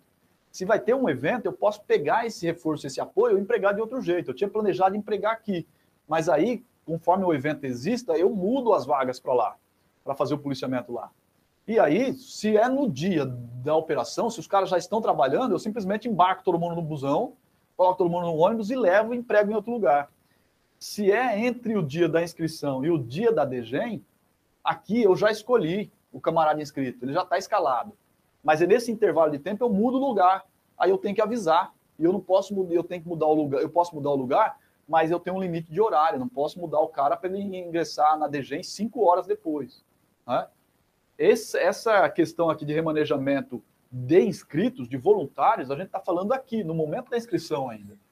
É aqui no momento da inscrição. É o cara que não foi escalado.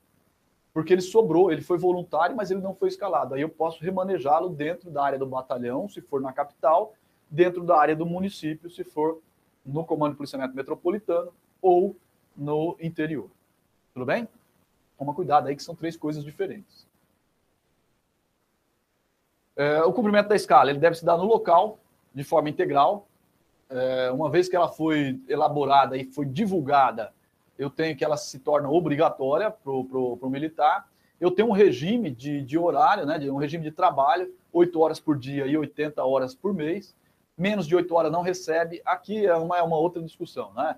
A norma ela fala assim: o policial que ele cumprir a atividade de GEM em menos de 8 horas, quer ver? Vamos pegar o, o texto da, o texto da norma especificamente. Deixa eu pegar aqui para você o regime de trabalho está lá no item 6.9, ó.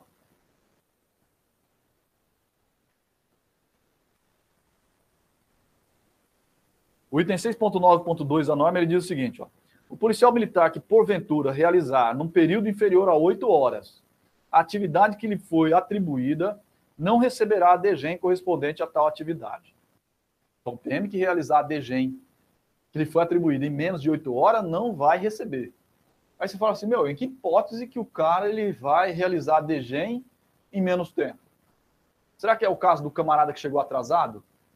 Mas o que, que eu faço com o cara que chegou atrasado, então? Eu mando ele cumprir a escala e falo para ele que ele não vai receber? Aí o cara vai falar, meu, eu vou embora, né? Eu vou para casa. Então, essa discussão prática, meu, é, ela já, ela já chegou, já foi levada à discussão no comando da instituição. Ela fala assim: meu, tem uma previsão de que o cara ele vai fazer uma DGEM sem receber. Porque é isso que eu estou falando, ele cumpriu menos horas do que as oito, né? E ele não recebe. Então significa que se o cara chegou atrasado, ele tem que cumprir a escala é, e ele não vai receber, parece uma questão absurda, né? Então, esse tipo de discussão que é prática não vai cair na sua prova, né? Ah, qual que é o certo? Mandar o cara embora ou segurar o cara lá? Não vem ao caso agora, né? Isso aí não importa para a gente aqui, não vai cair na nossa prova, então não se preocupe. O certo é que, se o examinador for cobrar, ele tem que cobrar a literalidade do que está aqui. ele vai ter que colocar lá. O policial militar que, porventura, realizar num período inferior a oito horas a atividade que lhe foi atribuída, não receberá a DGEM correspondente a tal atividade. Se ele colocar, por exemplo, uma assertiva assim, dois pontos. O policial militar que, porventura, realizar num período inferior a oito horas a atividade que lhe foi atribuída, receberá proporcionalmente a DGEM é, correspondente a tal atividade. Está errado. Entendeu? É esse tipo de assertiva que vai ficar errado. Né? Ele falar que o cara que ah, trabalhou seis horas, então ele recebe proporcional a seis horas. Trabalhou é, cinco horas, recebe proporcional a cinco horas. Não é isso que a norma fala. Ela fala, ó, trabalhou menos, não recebe nada.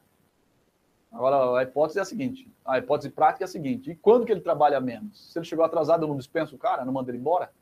Eu obrigo o cara a trabalhar no seu horário de folga sem receber? Né? Essa discussão é a prática, né? Para fim de prova, o máximo que o examinador pode fazer aqui é dizer que ele recebe proporcional, e aí vai estar tá errado. Tudo bem? Uma outra disposição que tem na norma é que durante esse período de escala de DGEM, o militar ele não vai receber DA e AA, né? Diária e alimentação, é, é, auxílio alimentação, ele não recebe durante esse período que ele está cumprindo a atividade de DGEM e ele também não pode pedir diária de diligência, por óbvio, já que ele é voluntário e está trabalhando no seu horário de folga. Porque senão o cara ele se inscreve, ele pode se inscrever para DGEM em qualquer UPM do estado, então o cara se inscreve, por exemplo, fazer DGEM lá em Sorocaba, vai lá para Sorocaba, ele trabalha aqui em São Paulo, e aí depois ele pede diária de diligência. Não teria lógica nenhuma. Tá certo? Maravilha, então. A DGEM, ela pode ser empregada como efetivo de apoio ou como efetivo de reforço. Esses dois conceitos, eles estão lá na NORSOP, né? Já estavam na NORSOP antiga e estão na NORSOP nova também, né? O apoio, é, ele, ele acontece quando o efetivo ele tem comando próprio. E é, o reforço, quando ele tem comando, é, quando ele fica submetido ao comando ordinário. Então, imagina assim, eu vou ter uma manifestação na Paulista, pego o efetivo da DGEM e vou empregar no apoio do policiamento lá na manifestação. Se ele vai no apoio do policiamento, ele tem um comando próprio da atividade DGEM, para quem vai ter que ser, terão que ser passadas as ordens de serviço, né? as, as regras daquele, daquele, daquele turno especificamente. Então, tem lá um tenente que está comandando a DGEM e ele é o comando da operação. Tem lá um sargento e ele é o comandante da DGEM naquele caso. Eu passo as ordens para ele e ele distribui para o seu efetivo. O efetivo responde para ele né? E ele está em apoio à área, mas ele é autônomo, ele tem autonomia de, de emprego operacional. Quando a gente fala do reforço, a gente está falando que eu pego o efetivo da DGEM e ele se integra no sistema operacional subordinado ao comando da, da localidade. Então eu pego o efetivo da DGEM e falo, olha, CFP da área. CFP da área, vem cá, você tem esse efetivo aqui, emprega do jeito que você quiser. Então o reforço é isso o apoio é diferente. O apoio ele tem uma autonomia de emprego. O reforço não. Por quê? Porque o reforço ele não tem comando próprio, ele tem uma ele se subordina ao comando ordinário daquela área. Então essa é a diferença. No entanto, olha só, em qualquer caso, o mais graduado ou mais antigo é o responsável pela coordenação, fiscalização, controle e conferência de escala. Viu aí? Em qualquer caso, o mais graduado ou mais antigo é o responsável pela coordenação, fiscalização, controle e conferência de escala. Então, aqui o examinador ele pode falar assim: olha, se tiver atuando como reforço, tendo em vista que está subordinado ao comando ordinário, é, o mais graduado ou mais antigo não terá responsabilidade pela coordenação, fiscalização, controle e conferência de escala. E aí vai estar errado. Em qualquer hipótese. Ah, eu estou é, atuando em apoio ao policiamento, em reforço ao policiamento, estou subordinado ao CFP. Só que o mais antigo da DGEM ainda tem que pegar a escala, conferir, fiscalizar se o efetivo está cumprindo a DGEM direitinho, tem que controlar, né? tem que fazer as anotações, o relatório, é tudo mais antigo que faz. Tudo bem? Legal. A escrituração segue a mesma metodologia da escrituração ordinária, né? como se estivesse fazendo um trabalho operacional normal, e né, os dados da operação DGEM têm que ser inseridos no Cicordop como uma operação. Né? uniforme. A norma ela diz que usa o colete refletivo se tiver disponível, então não é obrigatório, não é necessário em todos os casos, eu vou usar se tiver disponibilidade. É, a OPM dos policiais, né, nas prescrições diversas, ali tem uma disposição que diz o seguinte: a OPM do voluntário ela deve fiscalizar por amostragem o cumprimento dos requisitos.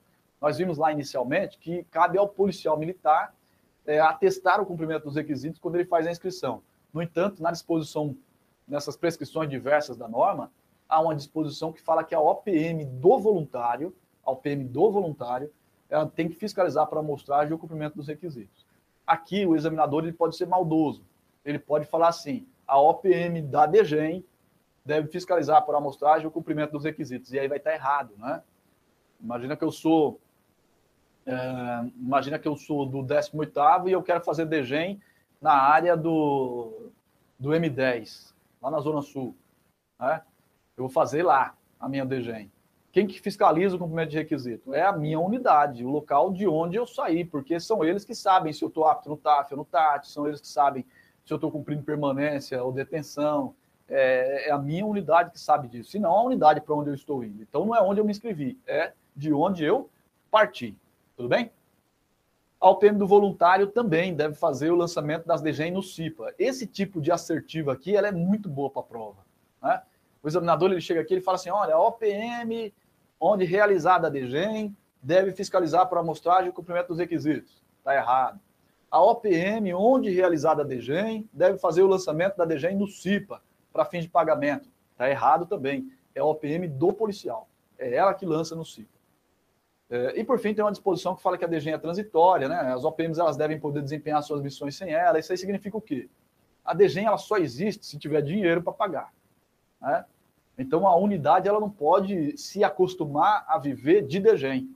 Né? Fala assim, olha, eu, policiamento meu, faço metade com efetivo ordinário e a outra metade do policiamento eu faço com DGEM. E amanhã, quando não tiver dinheiro né, para essas vagas de DGEM, como que eu faço? Né? Então, a OPM tem que considerar DGEM como algo transitório. É um plus, né? É um plus, mas eu tenho que saber que eu preciso atender a minha demanda com o efetivo ordinário do policiamento ali. Tudo bem? Era isso aí acerca da, acerca da atividade DGEM. São esses aspectos que merecem, que merecem destaque, né? São esses pontos aí que merecem destaque. É, então, bem rapidinho para a gente. Vamos só revisar bem rapidinho. Eu falei ali das atividades que são passíveis de remuneração por DGEM, pedi para você tomar cuidado com aquelas que o, o examinador pode trocar uma palavrinha. Depois falei dos princípios gerais ali, quem que é o coordenador. Todo mundo pode se inscrever para qualquer DGEM no estado inteiro tem que, tem que ter qualificação para trabalhar em OPM especializada, é, a distribuição das vagas, esse deslocamento de vaga para atender demanda, deslocamento de efetivo no dia também para atender demanda. Depois nós falamos dos requisitos. Eu disse que é um pouquinho diferente o requisito da DGEM e aquele que a gente vai ver para delegada agora, né? Então toma cuidado com esse aspecto. O soldado de segunda classe está errado na sua apostila, porque teve atualização e ela não foi lançada na apostila ainda ele tem que cumprir seis meses de estágio probatório, então segunda classe já pode fazer DGEM, já pode fazer também delegada. É, dentre os requisitos ali, os afastamentos, não pode estar em afastamento nenhum, exceto licença prêmio, não pode ter restrição, não pode estar cumprindo pena por qualquer crime, ainda que seja concedido qualquer benefício, não pode estar frequentando curso, exceto se ele for todo em EAD ou na fase virtual dos cursos parcialmente em EAD, aspirante não pode fazer DGEM. Né? Não pode estar frequentando o IEP, não pode estar com restrição do PAPM, porque nesses casos eu tenho restrição de emprego operacional. Não, não pode estar cumprindo sanção de permanência nem de detenção, seja por qualquer transgressão relacionada com a DGEM ou não. É, aqui tem critérios de seleção, tem que ver que é diferente, né? Na capital e no Comando de Policiamento Metropolitano, companhia, batalhão, CPI e demais OPMs. No interior, CPI e outro bloco, demais OPMs, né? O desempate, horas trabalhadas é, tem um sistema de remanejamento dentro da capital, na área do batalhão, eu posso remanejar os inscritos, e no CPI ou no CPM eu posso remanejar inscrito dentro do município. Se o município tiver mais de um batalhão, dentro do batalhão especificamente também. Depois aqui tem um cumprimento de escala, tem que ser no local, 8 horas por dia e 80 por mês, menos de 8 horas não recebe, não tem diária alimentação, não tem auxílio alimentação e não tem diária de diligência também é, tem um apoio reforço, mas em qualquer caso, o mais antigo ele é responsável pela, pela escala. A escrituração é a mesma no serviço ordinário e uniforme, o uso do colete é, refletivo, ele só vai ser obrigatório se o colete for estiver disponível. Quem que fiscaliza por amostragem o cumprimento dos requisitos? É a OPM do voluntário e não onde eu fiz a DGEM. Quem lança no CIPA? A OPM do voluntário e não onde eu fiz a DGEM. E a DGEM é transitória. Esses daí são os pontos principais. Vamos ver aqui as questões que o pessoal está lançando aqui no nosso é, no nosso site. Vamos lá. Por exemplo, sou do 27, faço DG no 32. Toda a documentação eu mando para o 32 e eles lançam no sistema ADGEM. É, no caso 32, não seria responsável pelo lançamento e pagamento da DGEM? Isso, o colega aí que perguntou. É justamente isso que o examinador vai falar na sua prova. É bem isso aí que ele vai falar. É, olha, quem é responsável pelo pagamento, tudo é feito lá pelo 32. Então, quem paga é o 32. Cuidado, a norma ela não fala isso, né? Vamos dar uma olhadinha no texto da norma? Legal aí pela. Obrigado aí pela pergunta. O colega que perguntou, olha só. Prescrições diversas. Cadê? Deixa eu voltar aqui, deixa eu ver onde está.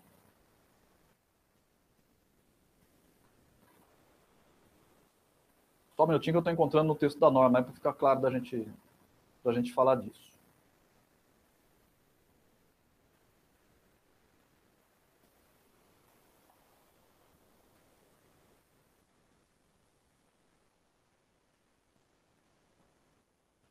Só um minutinho que eu estou tentando encontrar aí, tá? O colega que perguntou.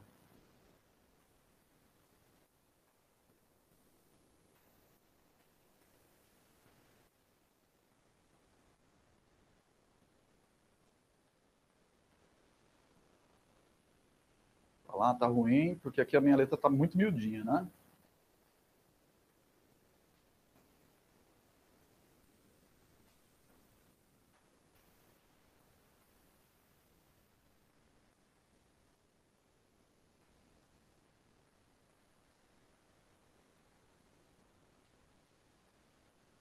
Ela tá ruim de encontrar aqui agora.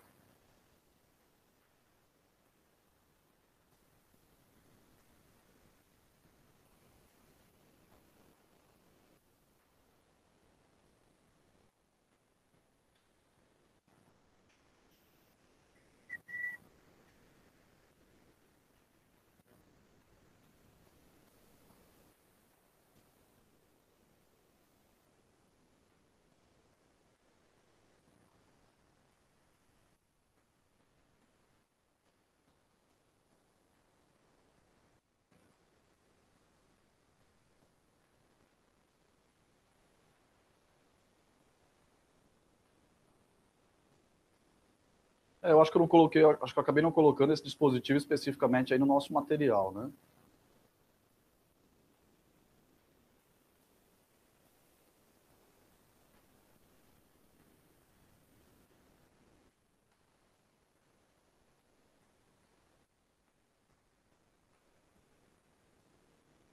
É, eu acho que eu não, não, coloquei mesmo não no material. Devo ter pulado esse, esse ponto aí. Mas é, mas o colega que perguntou aí,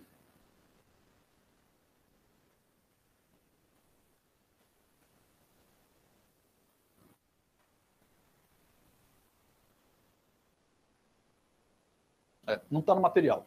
Não está ali no material. Mas o colega aí que perguntou, é, é, eu, vou, eu vou, no próximo encontro nosso, eu trago aí o dispositivo específico que trata dessa, dessa questão do pagamento.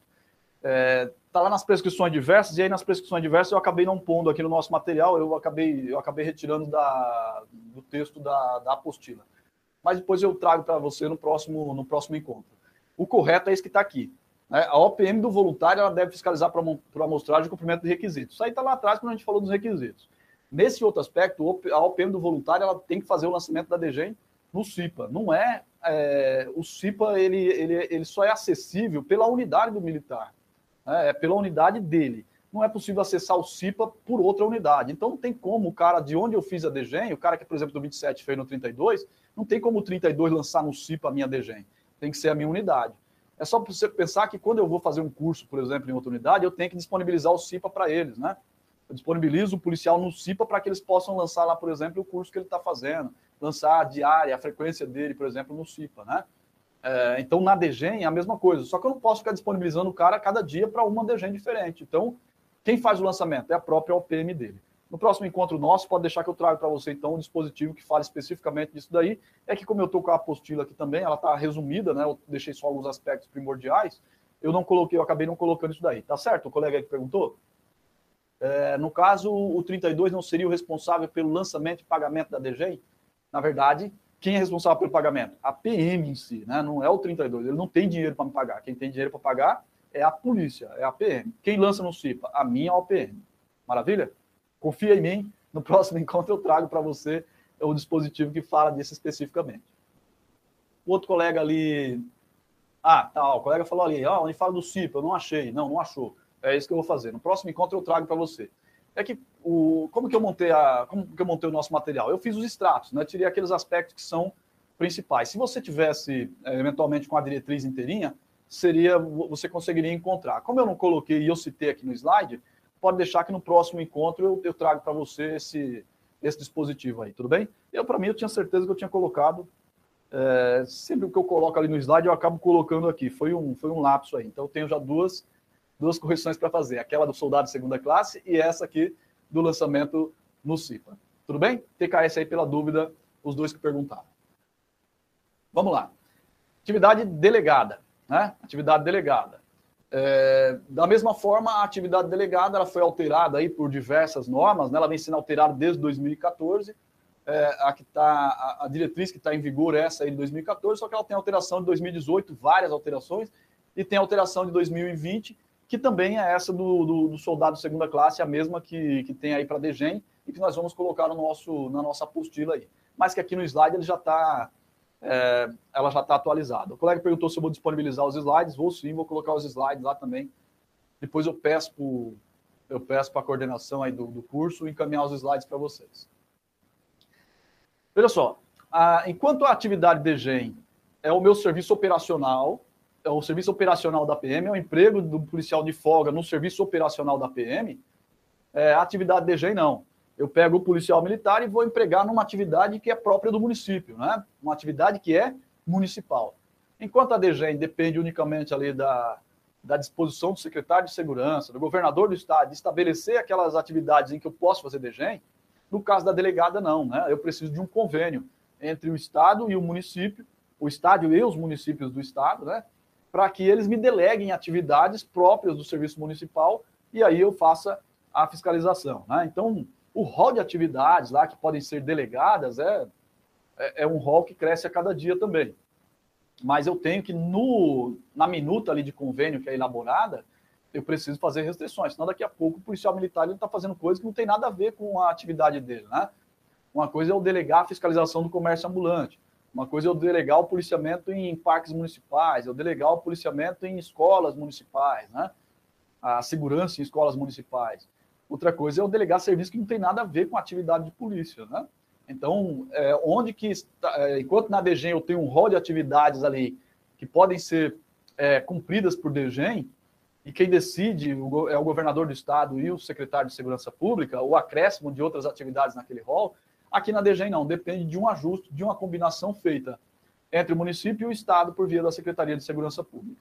É isso que está falando aí, então, esse primeiro primeiro slide que fala justamente do conceito de atividade delegada. Né?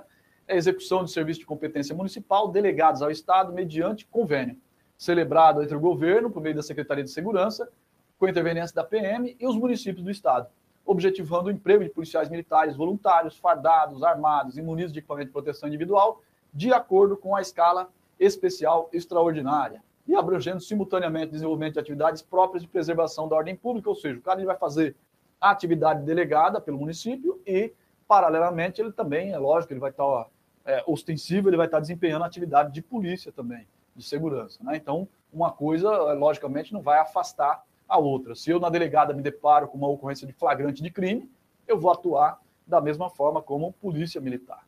Tudo bem? E vou atuar preventivamente também durante a minha atividade. Então, esse aqui é só o conceito de atividade delegada para a gente fazer essa distinção de DGEM e delegada. Conceitualmente são coisas diferentes. DGEM é atividade própria de polícia, delegada é atividade de município, é atividade municipal, delegada para a gente. Ah, na delegada, eu tenho uma figura que é a figura da comissão paritária. É, essa comissão paritária já caiu em prova de CAO, né? Não sei se na prova de sargento seria objeto de questionamento, mas é importante a gente a gente saber que existe, porque é uma coisa diferente da DGEM. DGEM tem comissão paritária? Não, porque a comissão paritária só faz sentido quando eu tenho um, é, um ajuste entre duas partes, né?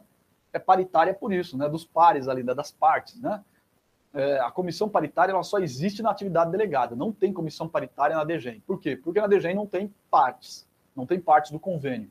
Aqui, como tem partes, eu monto comissões e essa comissão ela tem a finalidade de acompanhar o desenvolvimento dos trabalhos do convênio, acompanhar o desenvolvimento da atividade delegada em si. Né? No âmbito do CPC é um tipo de, de, de, de, comissão, no âmbito do CPM e do CPI é outro tipo de comissão.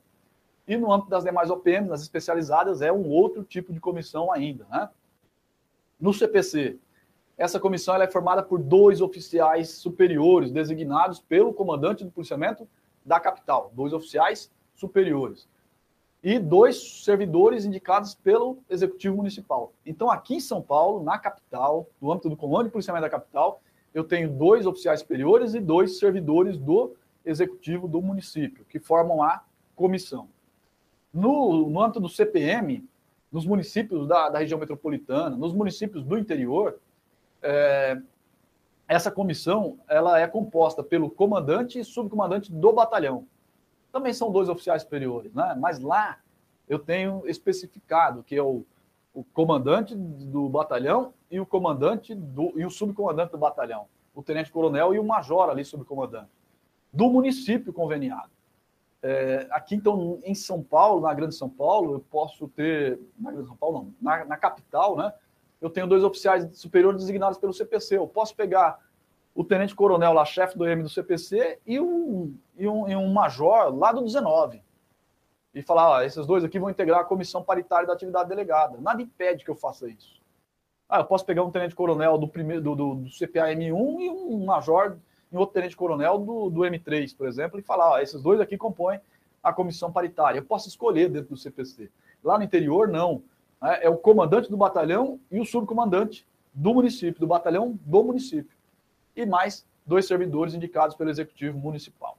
Então, essa formação da comissão, é, não sei se o examinador vai ter é, a, a, capacidade de cobrar isso aí na prova, mas como já caiu numa prova de CAO, eu, eu gosto de, de falar aqui, né? Eu gosto de falar. No âmbito das demais OPMs ali, a composição será, se dará conforme os parâmetros respectivos, né, do CPC, do CPM ou do CPI, conforme a área. Então, se eu tiver uma, uma, uma delegada própria aí de uma atividade, de uma, é, de uma unidade especializada, uma delegada própria para o pessoal da especializada, é, essa a formação da composição da, da, da, comissão ela vai corresponder ao CPC ou ao CPM ou ao CPI conforme a localidade dessa, dessa organização. Tudo bem? E para que serve essa comissão paritária, então? A comissão ela serve para acompanhar o desempenho, o desenvolvimento dos, dos serviços delegados. Né? É, é, ela que vai solucionar algum tipo de problema que apareça e que não tenha previsão no convênio. As minutas de convênio, elas são minutas padrão, né? Então, recentemente aí, aportaram lá no, no, no Comando Geral 40 e, 40 e poucas 40 e poucas minutas de convênio ao mesmo tempo, porque um determinado CPI queria que todos os seus municípios tivessem é, atividade delegada, né? Então, é, nessas, nessas ocasiões aí, é, a minuta ser padrão, né, ter uma minuta padrão é muito bom para você poder fazer as coisas andarem rapidamente. Então, como a minuta é padrão, eu não prevejo coisas pontuais para determinados locais. É, e aí, eventualmente, surge uma, um, um questionamento que só vale para aquela localidade. Quem soluciona? É a nossa comissão paritária. É ela que vai decidir o que é certo e o que é errado naquele caso concreto lá. Ela tem essa atribuição. É ela também que propõe alterações no plano de trabalho, que é um expediente que vem anexo com convênio. É ela que vai avaliar a quantidade de efetivo necessário, de repente quer aumentar o efetivo da delegada num determinado município, é a comissão paritária que vai definir isso daí.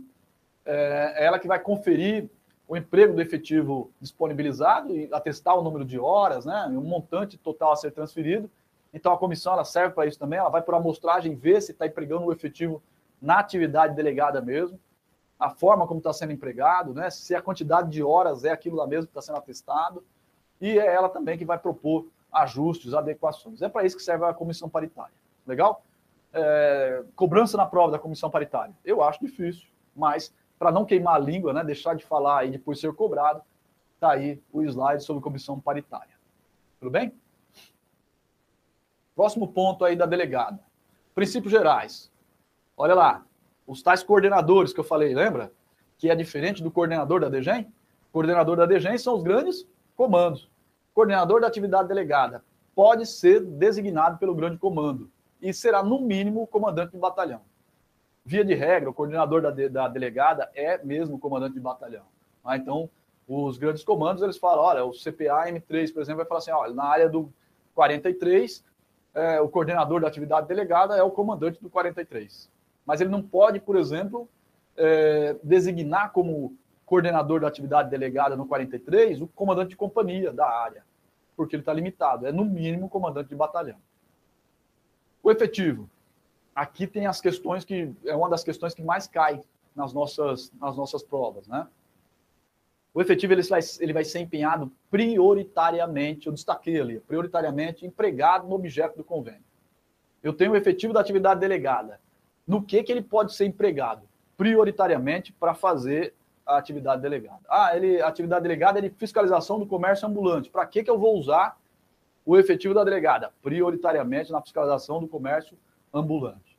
Não é exclusivamente, não é unicamente, não é privativamente, ou qualquer outro termo que o examinador possa usar. Esse prioritariamente aqui é para deixar uma brechinha pequena para eu pegar o efetivo da delegada e usar em outra atividade, quando necessário. Então, lembra lá das manifestações de 2013? quando nós tivemos aquele monte de manifestação na área central, às vezes você estava na delegada lá na Guilherme Cotin, área do quinto. Estava lá. Aí, é, o subcomandante PM fazia contato via telefone, falava, pega o efetivo que está aí, leva lá para a área central que vocês vão fazer policiamento na manifestação na rua direita. Pegava o efetivo daqui e jogava lá. Por quê? Prioritariamente eu emprego na atividade delegada. Mas se tiver uma necessidade, uma excepcionalidade, um caso que fuja à normalidade, é em última hipótese de fato, eu posso pegar esse efetivo da delegada e empregar em outra atividade. Então, prioritariamente empregado no objeto do convênio.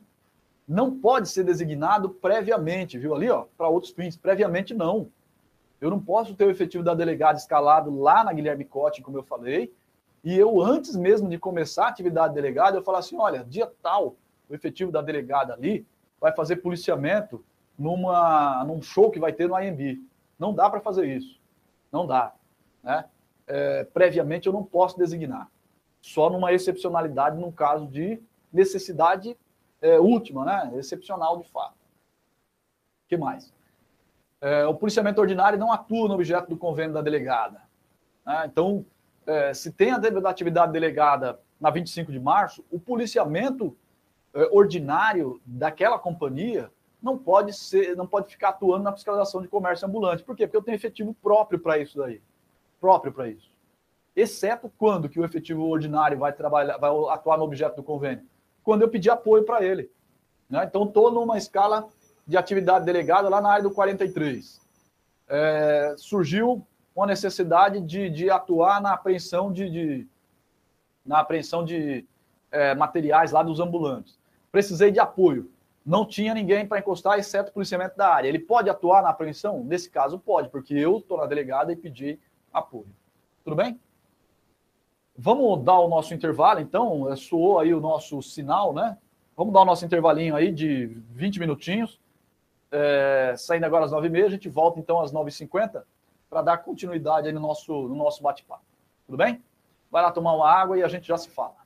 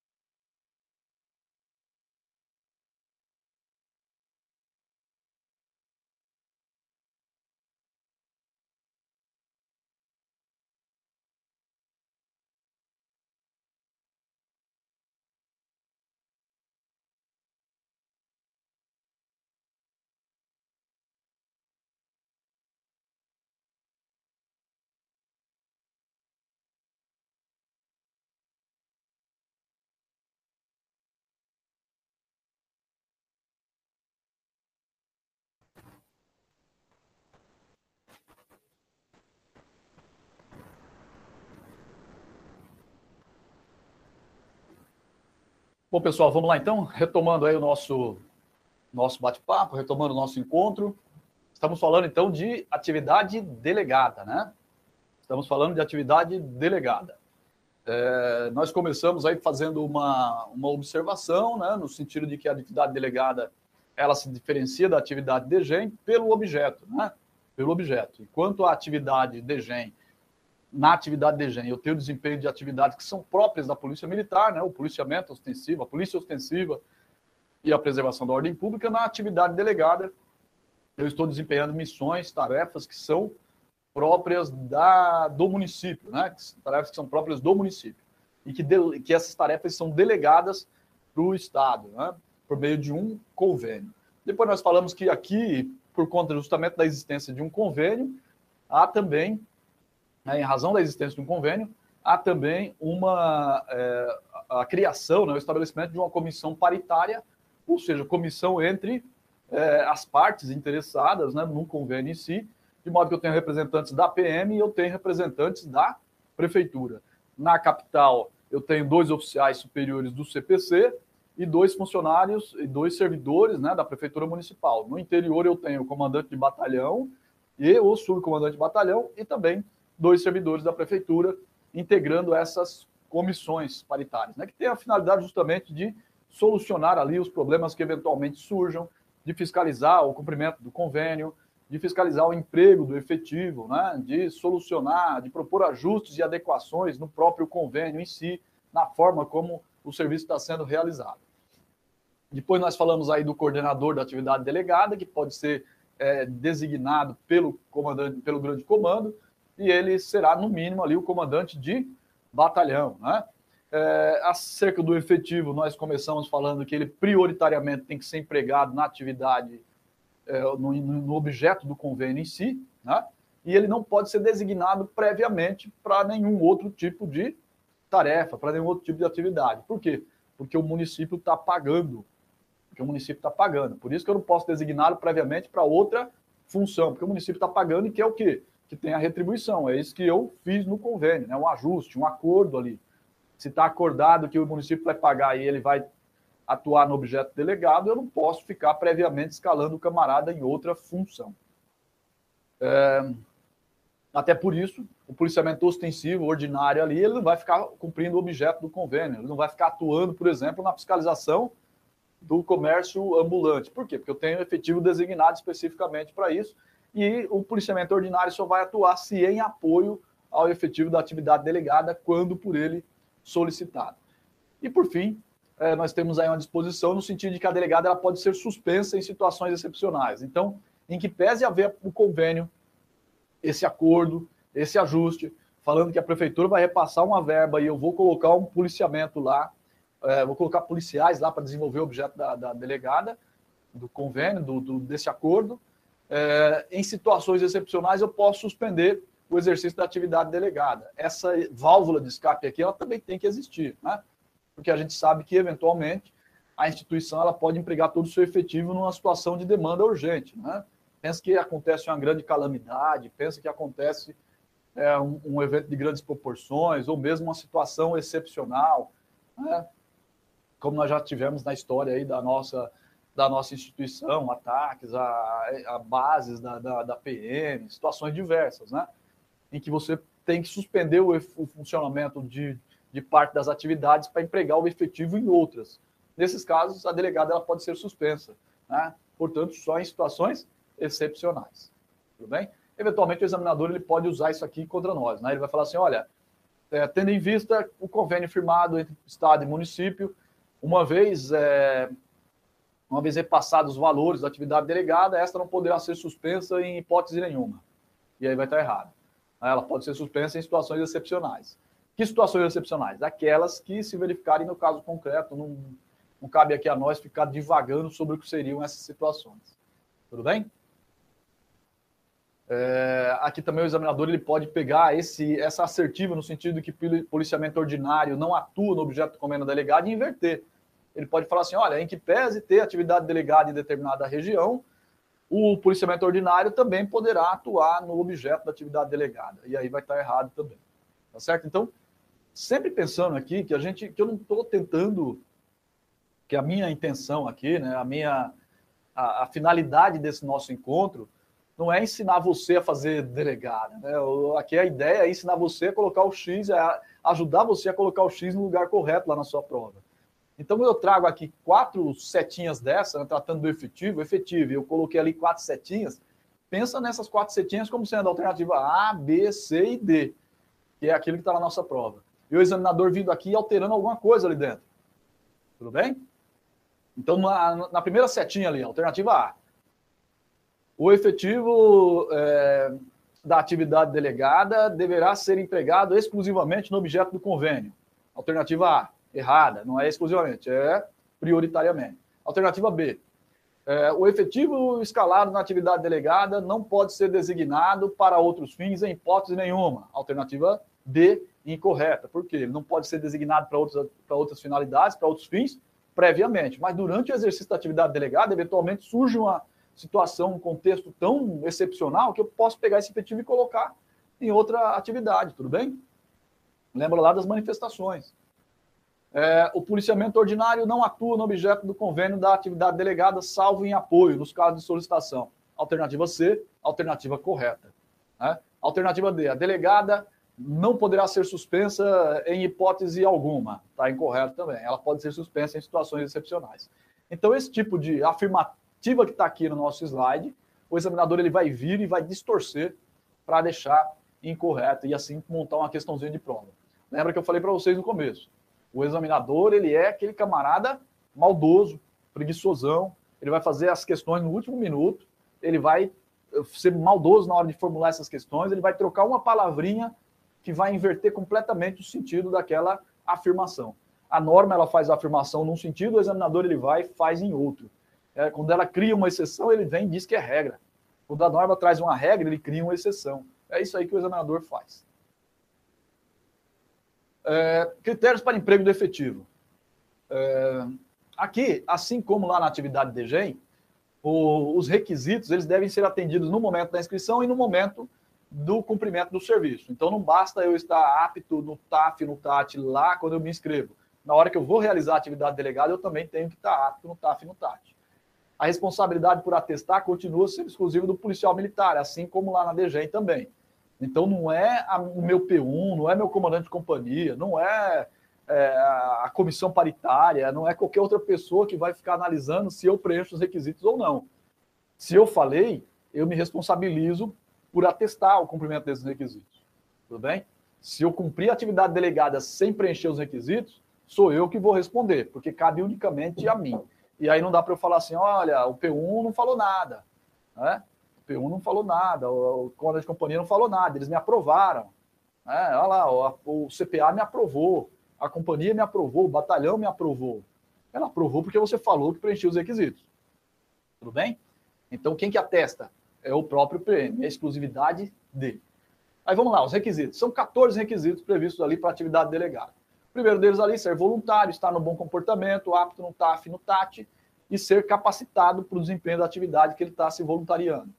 Veja que aqui, diferente do que tem lá na DGEM, aqui não há exceção quanto ao TAF e ao TAT.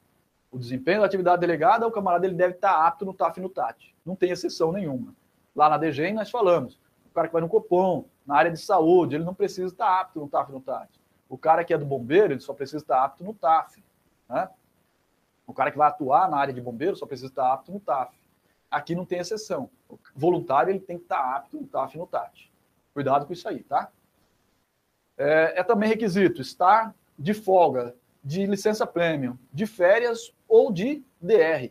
Então, lá no DGEM, nós falamos que ele tinha que estar é, o, o, militar ele estaria de folga ou de licença prêmio. Não tinha nenhuma outra opção. Aqui não, aqui ele pode estar de férias também, ou ele pode estar no gozo, na fruição de dispensa recompensa. Só aqui, na DGEM não, hein?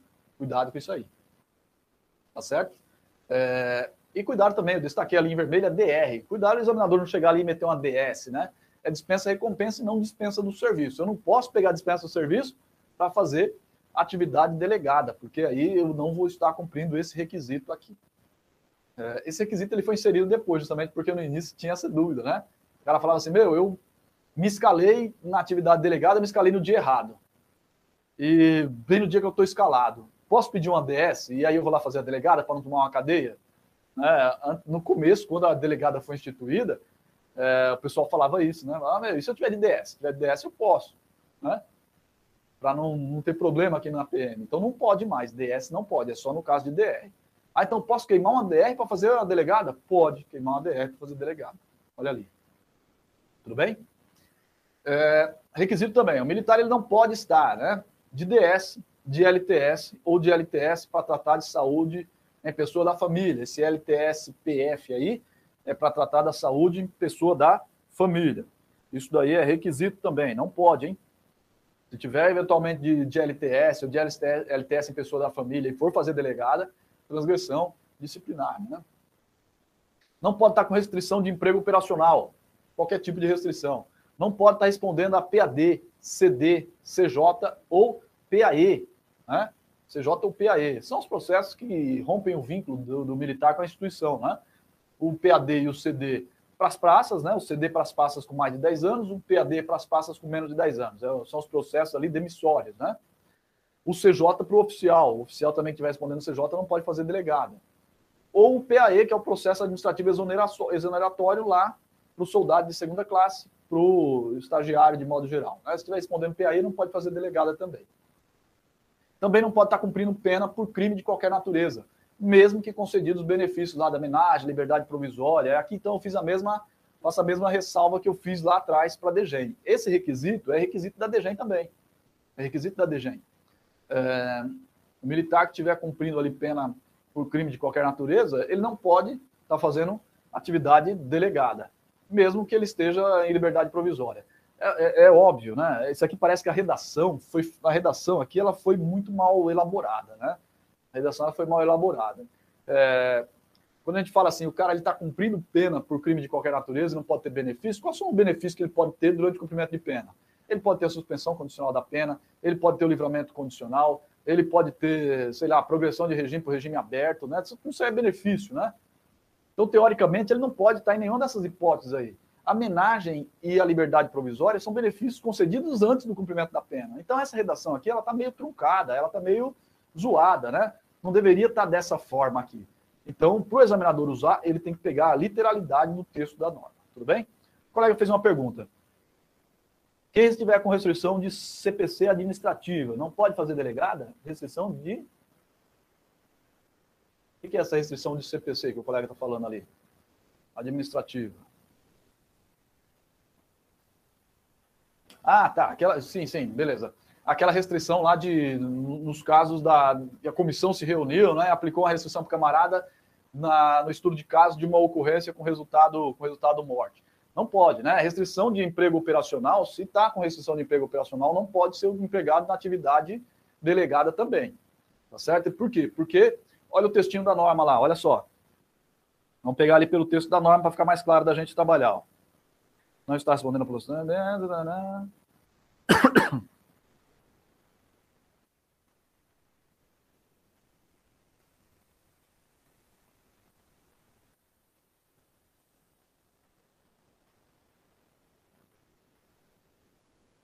Espera que estou encontrando aqui, tá?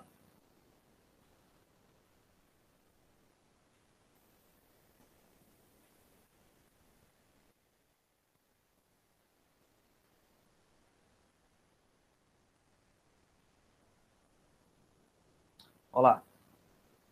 Não possuir prescrição, está ali no item 3.1.12. Não possuir prescrição decorrente da participação no PAPM, atribuída pelo CAPS ou NAPS, correspondente aos níveis 1, 2 ou 3 referente aos itens X lá, da, da, daquela.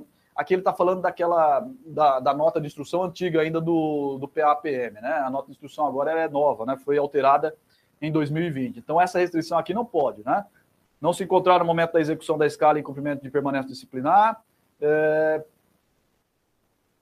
Cadê? Isso, é aquela restrição ali, então. Não está com restrição do de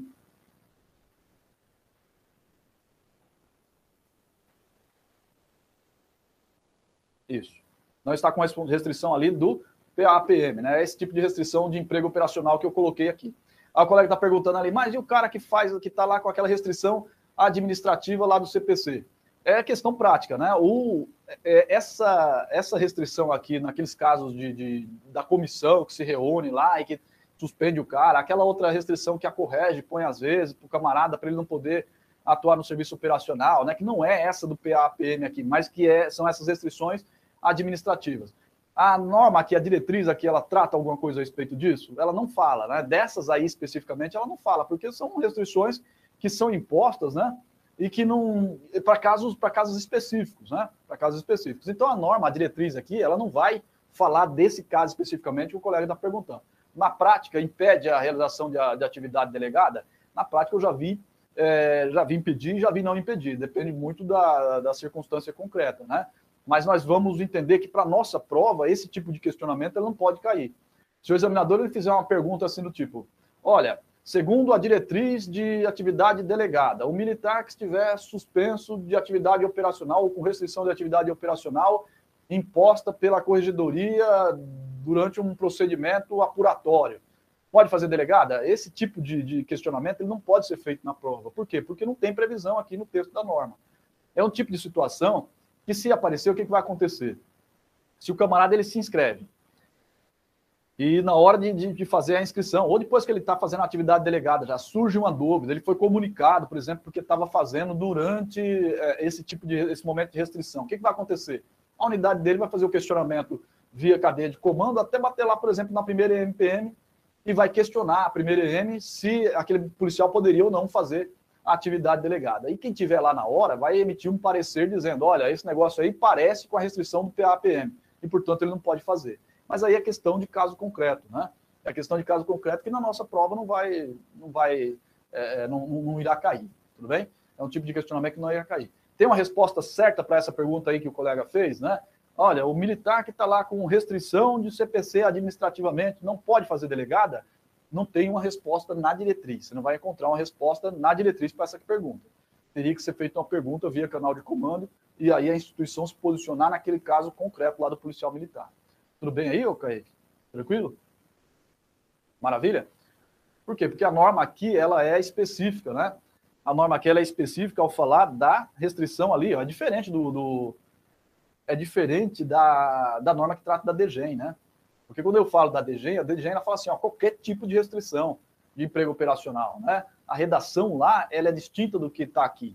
Né? Quando a gente fala de DGEM, ela fala de qualquer hipótese de restrição, quer ver? Vamos voltar rapidinho lá na, nos requisitos. É...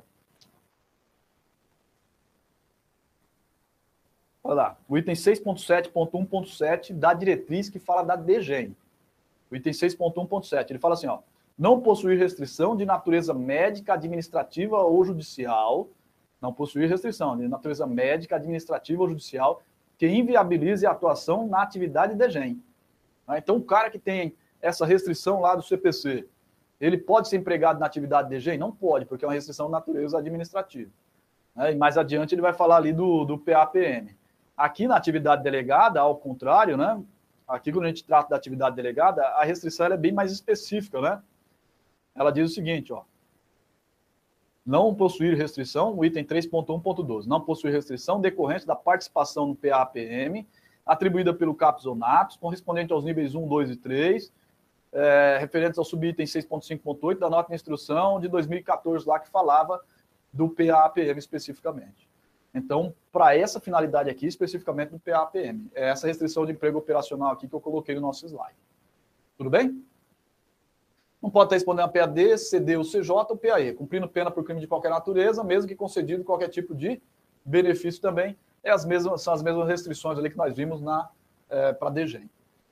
É requisito também não ter sido submetido à, sanção de, por transgressão relacionada à delegada. Esse daqui é, é, da delegada um dos itens que mais caiu em prova até hoje já. É, o policial militar que ele é sancionado por uma transgressão disciplinar praticada durante a atividade delegada, ele fica é, impedido de participar da atividade delegada por algum por um período determinado ali, né? No entanto, essa sanção ela tem que ser uma sanção diferente da advertência. Por quê? Porque é, nós temos como marco inicial da suspensão ali, da restrição de emprego, é, a data da publicação do cumprimento da sanção. E no caso da sanção de advertência, ela não tem publicação. a sanção de advertência ela não é publicada, ela não vai, é, ela não tem publicação de acordo com o RDPM. Então, a sanção de advertência é uma sanção aplicada verbalmente para o militar e não tem publicação. Portanto, não teria como é, impor restrição nenhuma ao policial militar. Né? Então, é, o policial, como requisito, ele não pode ter sido submetido a sanção por transgressão relacionada à atividade delegada, exceto a, a advertência. Né? Então, se ele tiver tido uma advertência, tudo bem. Chegou atrasado, respondeu um, P, um PD e foi sancionado com advertência. Pode fazer delegada? Pode. Foi sancionado com outra, foi sancionado com repreensão, por exemplo. Ele vai ter uma restrição. Essa restrição é para sempre? Significa que ele nunca mais vai poder fazer? Não. Da primeira vez que ele for sancionado, ele fica 30 dias com restrição de participação da atividade delegada. 30 dias contados de quando? Da data da publicação do cumprimento. Então, no caso da repreensão, a repreensão ela se cumpre quando eu publico. Publiquei. No dia que eu publiquei ali, ele, a partir de então, eu conto 30 dias que ele não poderá fazer delegada. A partir da segunda, é, a partir da segunda transgressão que ele pratique na atividade delegada, ele vai ficando suspenso por 60 dias ali. Então, foi publicada lá mais uma sanção para esse militar aqui, um dia de permanência disciplinar, se pudesse. Pudesse aplicar permanência disciplinar, mas publicou lá um dia de permanência disciplinar cumprida hoje. A partir da publicação do cumprimento, eu tenho lá 60 dias que o militar ele não pode é, participar da atividade delegada. Isso aqui é importante, é, porque o examinador ele vai trocar ali a data do publica, a data de a partir de quando eu começo a contar. Né? Nas provas o que ele faz? Ele fala assim, olha, a restrição no caso da na primeira transgressão será de 45 dias, está errado.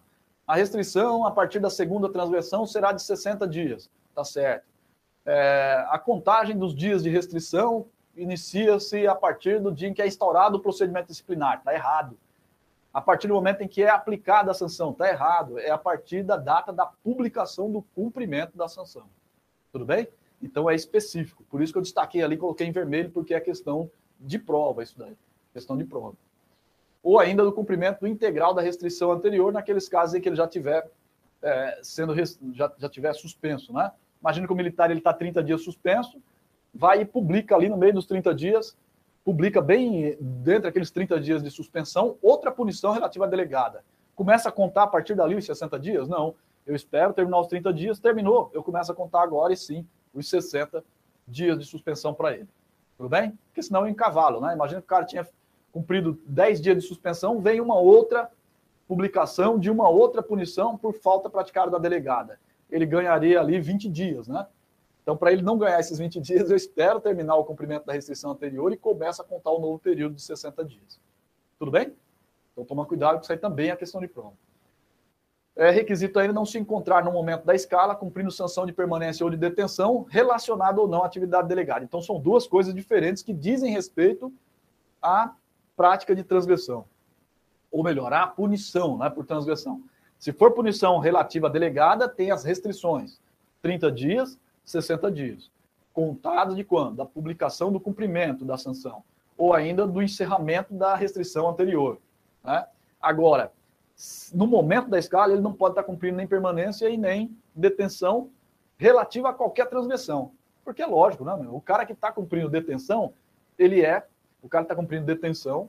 Imaginemos aqui o mundo em que a detenção ela ainda exista. Né? esse camarada que está cumprindo detenção, ele não, não pode ser empregado por fim algum. É como se ele fosse um paisano, né?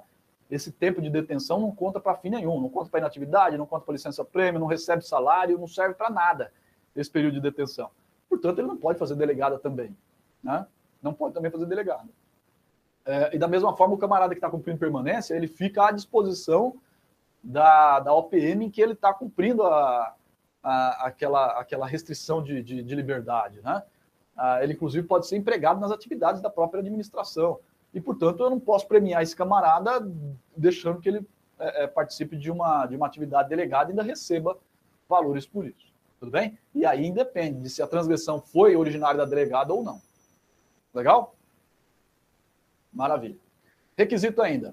Não está no estágio probatório de aspirante oficial. Então, o aspirante, veja, ele não pode fazer DGEM, nem pode fazer delegada. Aspirante não pode soldado segunda classe, ele tem que ter cumprido, no mínimo, ali, seis meses de estágio probatório após a sua formatura, contado do ato da recepção devidamente publicado e averbado no assentamento individual.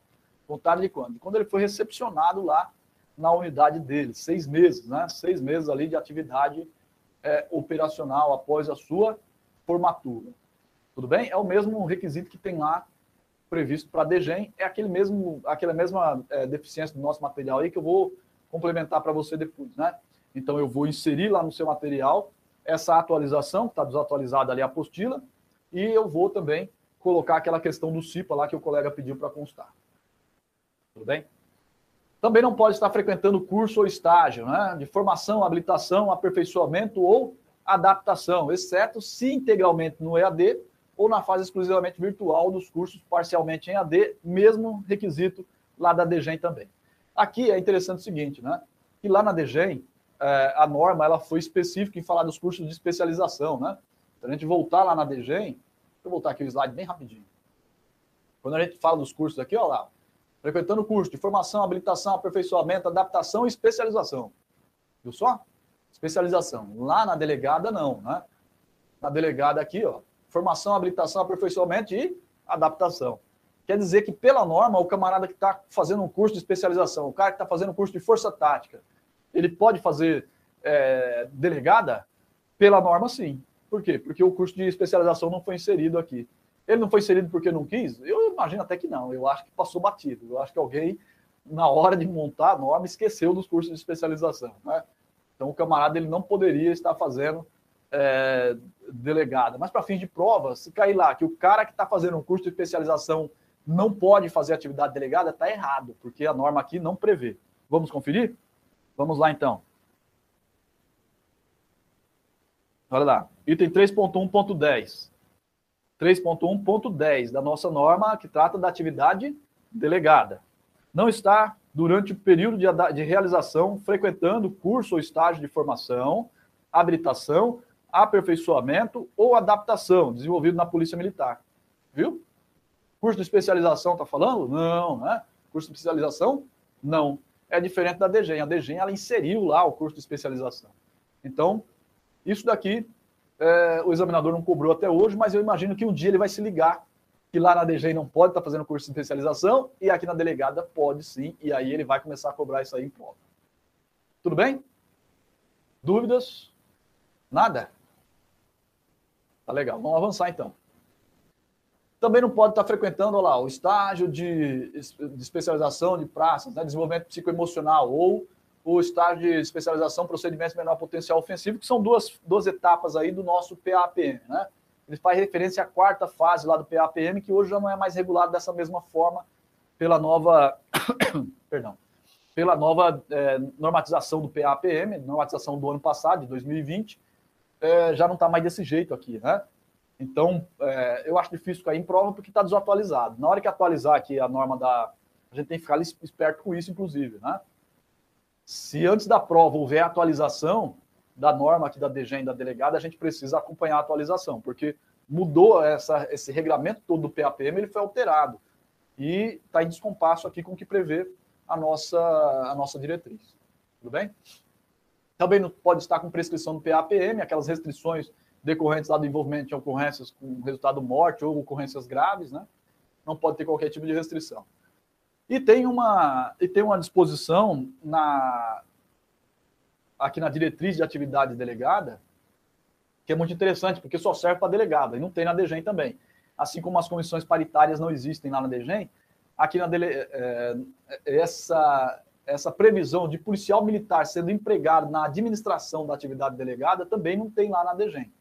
Justamente porque a administração da atividade DGEM é a mesma administração operacional de qualquer unidade, né? Aqui, para fim de atividade delegada, tem a previsão de que eu posso pegar militares é, designados ali pelo coordenador da atividade delegada, conforme o convênio, né, conforme a demanda também, e empregar esses caras na administração da atividade delegada em si. Geralmente a gente vê isso aí lá no CPA, né? Pega lá dois, três polícias lá, três, quatro policiais, colocam ali, são os caras que vão fazer o quê? Eles vão montar as escalas, relatório de presença, vão fazer o arquivamento, relatório diário, eles vão fazer o controle né, desses, desses relatórios, né? Então, é, é possível que eu pegue esses policiais remunerados pela atividade delegada e coloque na administração lá do meu CPA. É... Então, é, quantos policiais eu posso empregar? até seis PMs. Até seis policiais militares eu posso, fazer, eu posso utilizar. Eles serão voluntários. Eles vão fazer as escalas, os relatórios de presença e os relatórios diários de escala, né? Eles fazem todo o controle administrativo da atividade delegada. E aí eu posso escolher, eu posso colocar seis quando eu quiser? Não, tem uma proporção. E a proporção é de um PM para cada 30 PMs disponibilizados ali na atividade delegada naquela área respectiva, né? Então, se eu tiver lá é, 90, 90 PMs é, empregados ali na atividade delegada, eu só posso ter lá, no máximo, três policiais militares. Eu tenho um limite de seis, que é o máximo, é extrapolando. Se eu tiver 1.500 policiais empregados na atividade delegada, numa determinada área, eu só posso ter seis policiais, é o máximo. Mas qual que é a proporção? Um PM para cada 30 disponibilizados lá na atividade delegada. Tudo bem? Esses policiais, eles têm direito à retribuição pecuniária? Tem direito. Limitado também a 80 horas mensais. Então, não importa se o cara vai trabalhar mais lá na EDM, ele vai estar limitado a 80 horas mensais. Tudo bem? Então, lá dentro do CPA. Onde que está essa previsão aí na nossa norma? Vamos dar uma lida no texto da norma para ficar mais, mais claro para nós? Olha lá, o item 3.2 aí, acompanha comigo lá no seu material. Os coordenadores da atividade delegada, coordenadores, portanto, certo? Ou é o grande comando ou é o, o comandante de batalhão. Observando os termos do convênio firmado e a demanda administrativa dele decorrente, se tiver demanda. Se não tiver, vai ser lá o meu P3, a minha divisão operacional, que vai cuidar desse negócio aí. É, poderão autorizar o empenho de até seis policiais militares voluntários do contingente administrativo da OPM responsável pelo desenvolvimento da atividade delegada, para, em determinados períodos de suas folgas regulamentares, executarem as atividades eminentemente administrativas a ela inerentes, elaboração de escalas, estruturação dos relatórios de presença, emissão de relatório.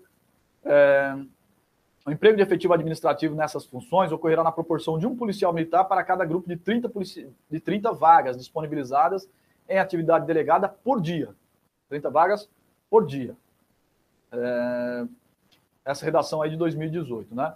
Os policiais militares mencionados no subitem anterior farão jus à retribuição pecuniária pelas horas trabalhadas, desde que respeitados os limites impostos no subitem 6.6, ou seja, deslimitado aquele, aquela é, quantidade de 80 horas por mês.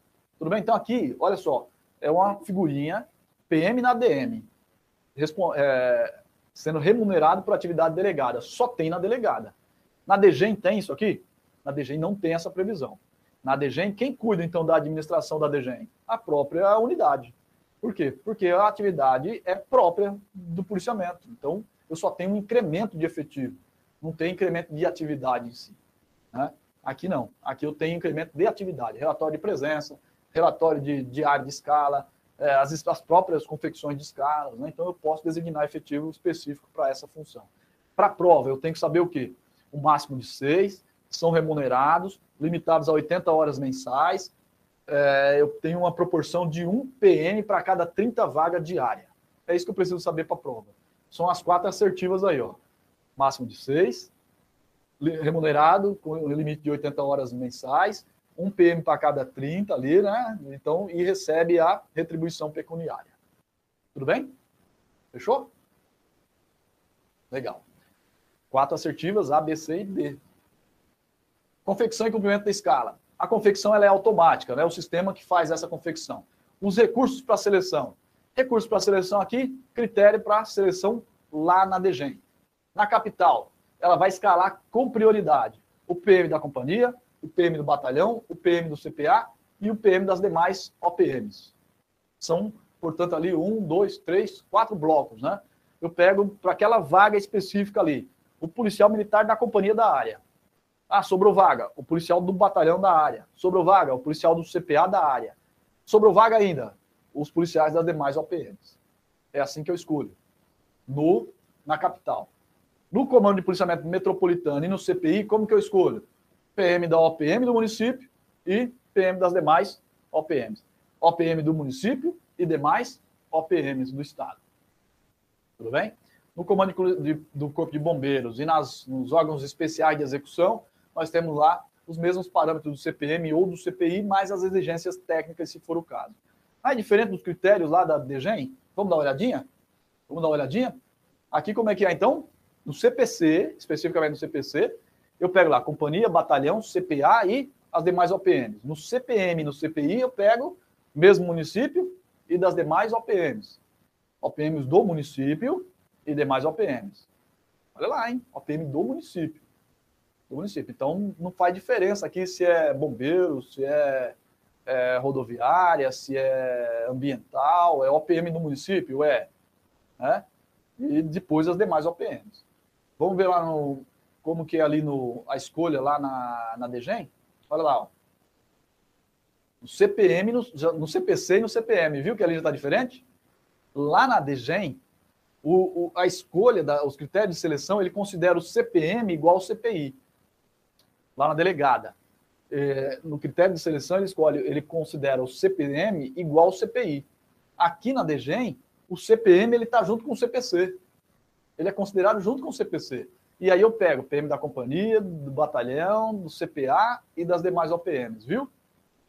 Se for é, DGEM no 32M, 32M, que é CPM já, né? 32M, CPM. O colega falou agora há pouco. É CPM. Como que eu vou escolher militar para DGEM lá no CPM? Pego policial da companhia, policial do batalhão, policial do, do CPA e depois os policiais das demais OPMs. Se for delegada, como que eu escolho? Policial das OPMs sediadas lá na 32, lá na, no município onde está o 32. E depois, os policiais militares das demais OPMs. Viu aí que tem uma distinção na forma como o CPM ele é tratado, para DGEM e para delegada, quando a gente trata de critério de seleção? No restante é a mesma coisa, né? No CPI, PM das OPMs do CPI num bloco. Olha só, para o CPI também é diferente. Né? O CPI aqui na DGEM, eu considero as OPMs do CPI. É diferente, né? Lá na delegada é OPM do município. Olha aqui. CPI, PMs da OPM do município. É, o CPI ele ocupa mais de um município. Tudo bem? É diferente, então, esse critério de seleção. Ele é complexo, ele é ruim. Né? O sistema ele é diferente, ele mexe com é, na hora de confeccionar a escala, ele traz critérios diferentes, seja para delegada, seja para a DGEM. Então, se caísse aqui na prova, complica a vida do guarda, né? Complica a vida do militar. Tudo bem? Tem que fazer ali um. Talvez eu até ensine isso aqui depois para a gente fazer a comparação aqui, um quadrinho, né?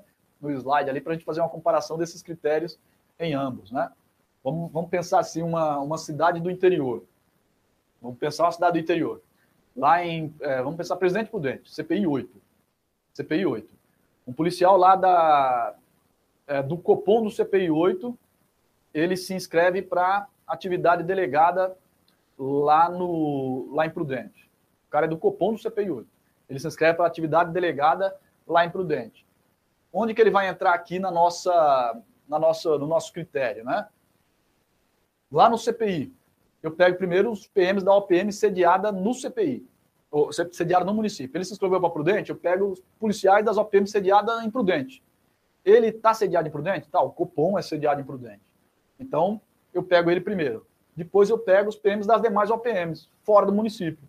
Então, o cara que está, por exemplo, é, em Presidente Bernardes, que está ali do lado de Prudente, ele vai entrar num bloco fora para a escolha de vaga. Para escolha de vaga. Aqui a gente está falando ali, nós estamos falando aqui então de, do requisito na delegada, beleza? Se for na DGEM, olha aqui, vamos lá na DGEM, um pouquinho diferente, né? PMs da OPM do CPI, num bloco só.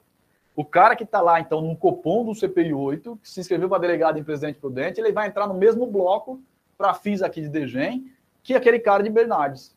O cara de Bernardes vai estar tá disputando vaga com o cara do CPI, do, do, do Copom do CPI. Na delegada, não. O cara do CPI ele disputa vaga com os caras de Prudente o cara lá de Bernardes, ele vai disputar junto com os outros todos do, do restante do estado. Viu aí a diferença qual é? É principalmente aqui com relação ao CPI e ao CPM.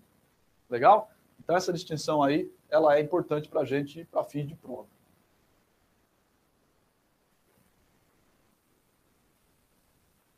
Maravilha. O critério de desempate ele continua sendo o mesmo, né? A quantidade de horas trabalhadas no mês. Quantidade de horas trabalhadas no mês. É, eu posso remanejar também inscritos, da mesma forma que eu posso remanejar inscritos lá no, na DGEM, eu posso remanejar inscritos aqui dentro da mesma área, mantidos os dias escolhidos, os horários escolhidos. e o militar ele tem que cumprir a atividade delegada integralmente em loco, elaborada, uma vez elaborada e divulgada a escala, ela passa a ser obrigatória para o policial militar, ele tem que ir, se ele não for, é falta ao serviço. Tem um regime de trabalho que estabelece ali um limite de cargas de limite diário de 8 horas e uma carga mensal que não pode ultrapassar 80 horas, independente do convênio que eu estou trabalhando, né? Então, não importa se o convênio é para delegação de atividade do comércio ambulante, é para delegação no policiamento de parques, é para delegação de fiscalização ambiental, é, são três convênios diferentes, mas eu não posso fazer atividade delegada extrapolando 80 horas. Não dá para fazer 80 em cada convênio. É 80 nos três. 80 nos três. É, é lógico, né, não vai computar o tempo ultrapassado. Se eu fui fazer uma apreensão na delegada e passei do horário, não vou receber as horas extras. Né? Deve ser observada a portaria que regula o horário de serviço na PM. Então, no que toca à existência de folga, aqui é interessante, né? A, essa, a portaria que que regula o horário de serviço na PM, ela estabelece folgas, limite de horário de folga para o policial militar. Né? Então, é, a folga ela não pode ser inferior à quantidade de horas trabalhadas, por exemplo. Né? Então, eu teria que ter uma folga. No entanto, aqui ele faz uma restrição, né? uma exceção, exceto para quem trabalha no expediente administrativo. O cara que trabalha no expediente administrativo, ele pode sair do expediente e ingressar na atividade delegada sem respeitar esse horário de folga aí previsto lá na portaria porque senão o cara do expediente ele não faria delegada nunca, né? Ficaria restrito demais para ele a possibilidade de fazer atividade delegada. Agora, quem é do operacional precisa respeitar os horários de folga lá da, da portaria, é, da portaria que regula o horário de trabalho na instituição. Escalonamento, o comando de acordo com a fração empregada. Né? Então, a de, atividade delegada ela vai ter um comandamento de acordo com o efetivo empregado. Dependendo do efetivo empregado, eu vou ter comandamento de sargento, comandamento de tenente, comandamento de capitão e assim por diante. O PM de maior patente, de maior graduação ou mais antigo é o comandante da operação, exceto se esse mais antigo aí for o segunda classe, que agora o segunda classe ele pode fazer atividade delegada, né? Se ele for o, o, o militar mais antigo, for um soldado de segunda classe, é, e se não tiver voluntário mais antigo, se só tiver voluntário segunda classe, eu cancelo a escala. Viu aí que coisa? eu, só, eu vou cancelar a escala se só tiver voluntário segunda classe. Agora, se falta o mais antigo, eu escalei lá um policial primeira classe, o restante tudo segunda classe. Esse primeira classe ele faltou na atividade delegada. O que, que tem que fazer? Tem que acionar lá o CGP para é, gerenciar essa atividade delegada aqui. Então eu não posso ter o mais antigo como sendo um soldado de segunda classe na atividade delegada. Tudo bem? Legal. Pode usar viatura na, na, na, atividade delegada? Pode sim. É o coordenador da atividade que designa essa viatura. E é uma viatura própria ou de OPM subordinada dele. Então, o, o comandante do CPA, como coordenador da atividade, ele pode, da atividade delegada, ele pode designar uma viatura? Pode, seja do CPA, seja de dos batalhões ali subordinados a ele. Mas essa viatura tem que estar na reserva lá. Eu não posso pegar uma viatura do serviço operacional que está operando e colocar ela à disposição da atividade delegada. Tem que ser uma viatura que esteja na reserva. Tudo bem? Tem mais alguma, alguma questão importante aqui relativa a isso? Tem. O atendimento de ocorrências né, e as apreensões. Eu acho que são dois tópicos muito relevantes para a gente para fim de prova. Né? O atendimento de ocorrência. O Copom só pode despachar para as, para as patrulhas de atividade delegada aquelas ocorrências relacionadas com o objeto do convênio. Então, se eu tenho uma ocorrência dentro de um parque municipal e essa competência de policiamento ali, de segurança no parque, foi delegada para a instituição, nesse caso, eu posso pagar a ocorrência lá para a atividade delegada. Tudo bem? E eu vou pagar para ela. Se eu tenho uma ocorrência de comércio ambulante em determinado ponto e eu tenho delegada ali, o Copom tem que pagar essa ocorrência para a delegada. Agora, as outras ocorrências, ele tem que pagar para o patrulhamento ordinário. Ah, tem um Charlie 4 que é justamente uma ocorrência de perturbação do sossego, um Charlie 1 lá, justamente na área onde tem delegada. Paga para o efetivo da delegada? Não, não pode pagar. O Copom só paga ocorrência relacionada com o objeto do convênio. É, e aí a patrulha da delegada ela faz o primeiro atendimento nas ocorrências que ela se, naquelas ocorrências com as quais ela se deparar, né? Então, estava lá patrulhando, me deparei com a desinteligência, me deparei com a perturbação do sossego, me deparei com uma ocorrência de, de furto, eu dou o primeiro atendimento. Dou o primeiro atendimento para ela, peço apoio lá da viatura da área que vai dar seguimento. é, exceto nos casos de flagrante, né? Exceto se flagrante. Se flagrante eu me deparei, aí eu conduzo a ocorrência em si. Agora, mais importante que tudo isso, fiscalização e apreensão de mercadorias. Tem várias regrinhas na nossa diretriz, né? São regrinhas importantes para fim de prova. É, a, a, o, o, material apreendido ele vai ser é, lacrado no invólucro, né? Com o auxílio do agente municipal. Então, vou colocar num saco lá, o agente municipal vai trazer um lacre e nós vamos lacrar. É, esse material vai ser recolhido imediatamente para onde? Para as dependências da prefeitura, ou de uma subprefeitura, ou de um órgão municipal qualquer. Mas ele vai ser recolhido imediatamente. Então, eu não posso, por exemplo, depositar na base, na, na base comunitária de segurança, vou colocando lá, faço lá um, uma, um acúmulo X, pelo menos não pela norma. Não posso acumular lá na base, e aí depois vem uma viatura da, da prefeitura e joga tudo isso aí dentro, da, dentro do carro e leva embora. É imediatamente. Fiz a apreensão, coloco no carro da prefeitura e ele leva lá para as dependências da prefeitura. Tá? Não pode deixar em algum outro lugar esperando. Então é imediatamente. Vai ser recolhido mediante veículo próprio, olha lá, apropriado do órgão municipal, então são eles que têm que fornecer isso daí, não é a viatura da PM que vai ficar transportando. Cabe ao órgão municipal relacionar a quantidade de material apreendido, fazer a guarda disso daí, conservar e adotar as medidas decorrentes. Então, para quem, quem é que vai contar a quantidade de material apreendido? Aquele monte de, de DVD que eu aprendi ali. Quem que vai fazer a contagem? É o órgão municipal. Quem que vai dar destino para isso aí? É o órgão municipal, né? Ah, aprendeu lá um monte de, de, de, roupas que estavam sendo comercializadas lá na rua de modo irregular. Quem vai fazer a apreensão, a contagem? Tudo o órgão municipal. Destinação, quem vai dar também é o órgão municipal. É, os servidores municipais são responsáveis pela inviolabilidade dos lacres durante o transporte. No entanto, o coordenador da atividade ele pode determinar a escolta. O coordenador da atividade, delegado, ele pode determinar que eu faça a escolta, por exemplo, a depender do volume de material apreendido, da natureza do material apreendido, né? da quantidade. Eu posso determinar uma escolta até lá na sede da prefeitura. Mas quem é responsável pela inviolabilidade do lacre durante o transporte? É o agente da prefeitura, o servidor municipal.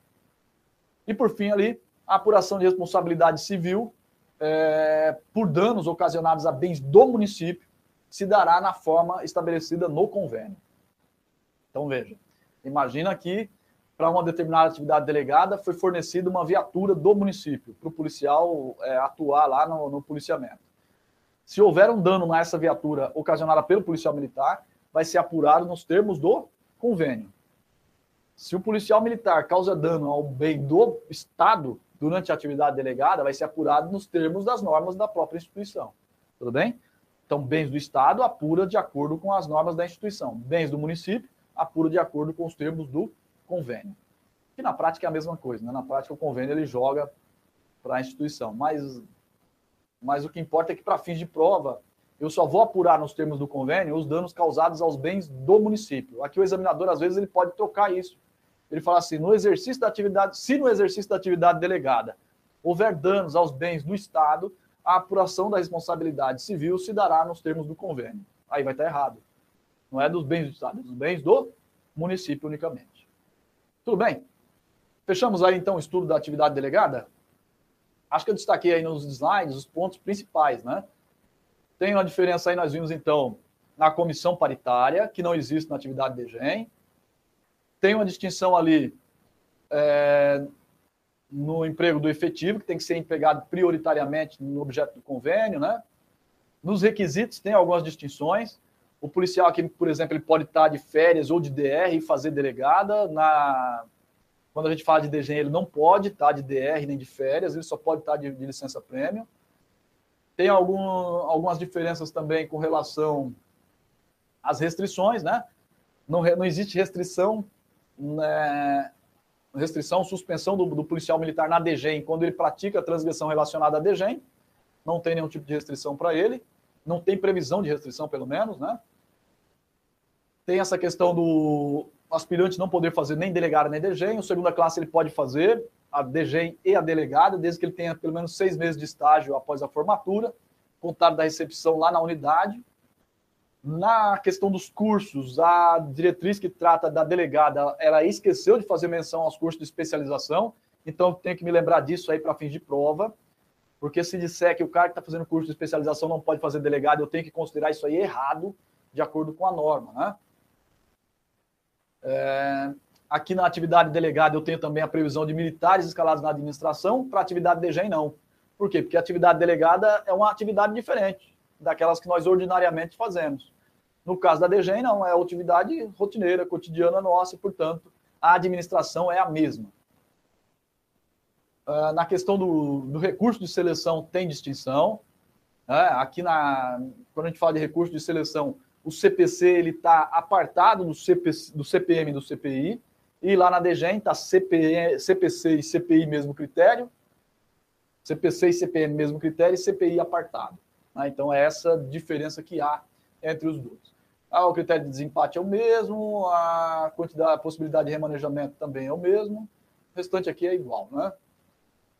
Regime de trabalho também é o mesmo, escalonamento também sem novidade, só tem a subservação com relação à segunda classe, é, a possibilidade de viatura na atividade delegada é específica, né? Tem que ser uma viatura da reserva, pode ser designada pelo coordenador da atividade é, da sua unidade ou das unidades subordinadas e com relação à fiscalização e apreensão de mercadorias, que é distinta também. O atendimento de ocorrência na DGEM é, é, um, é o mesmo tratamento que eu daria em qualquer outra hipótese, porque o serviço é o mesmo. Aqui não, aqui é diferente um pouquinho. Aqui eu fico restrito às ocorrências que, que digam respeito ao objeto do convênio em si, né? O atendimento de ocorrência. E fiscalização e apreensão de mercadorias lá na DGEM eu faço conforme eu faria em qualquer outra atividade operacional minha, natural, normal, e aqui tem, uma, tem as exposições específicas. Então, esse aspecto aqui ele é importante para fins de prova. Tudo bem? Dúvidas? Não? Não tiver nada aí, nós vamos ingressar então na, na análise aí de um outro de uma outra norma institucional. Vamos lá? Maravilha. Respirou? Tá ótimo. Olha aí se você tem, se sobrou alguma dúvida, vê aí se tem algum ponto que não ficou bem claro. Se tiver dúvida, você manda aqui no chat agora, a gente já responde. Se não quiser mandar no chat agora, manda depois para mim por WhatsApp, manda por e-mail, tem lá, né, na, na, no primeiro slide ali, tem os meus contatos. Manda lá no e-mail, manda lá no WhatsApp, eu respondo. Se não ficou claro, no próximo encontro nosso eu volto aqui, a gente discute de novo. Só não pode ficar dúvida para fim de prova. Você tem que saber onde colocar o X onde é o local correto de colocar o X lá no dia da sua prova. Tudo bem? Maravilha. Sistemática de prevenção de acidente de trânsito envolvendo policiais militares. Sistemática de prevenção de acidente de trânsito envolvendo policiais militares. Essa nota de instrução PM 30020217. Cai na prova? Cai. Essa, essa, essa diretriz, ou melhor, essa nota de instrução, ela cai bastante em prova. Né? Ela é uma nota de instrução boa de estudar, boa de cair em prova, é, são questões tranquilas. Se você souber onde, onde ir buscar informação, você acha com muita facilidade. Né? Então, eu separei aqui para a gente discutir é, a, a, finalidade dessa norma. Ela não costuma cair em prova, mas precisa ter uma ideia de para que, que ela serve, para a gente poder estudar os institutos dela.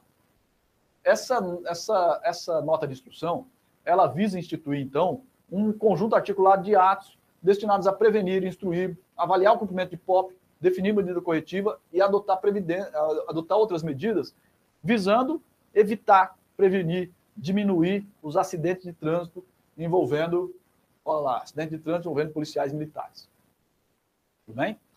A ideia é prevenir e diminuir ali a ocorrência de acidentes de trânsito. E, e como que ele faz isso daí? Ela vai analisar, principalmente, ela vai trabalhar principalmente com o cumprimento de regras de direção preventiva, o cumprimento de POP, de deslocamento do local de ocorrência, é, o cumprimento de POP de, de, chegada ao local de ocorrência, né? Então, ela vai trabalhar com essas normas administrativas e com essas regrinhas de, de, de condução, de pilotagem segura de viatura. Né?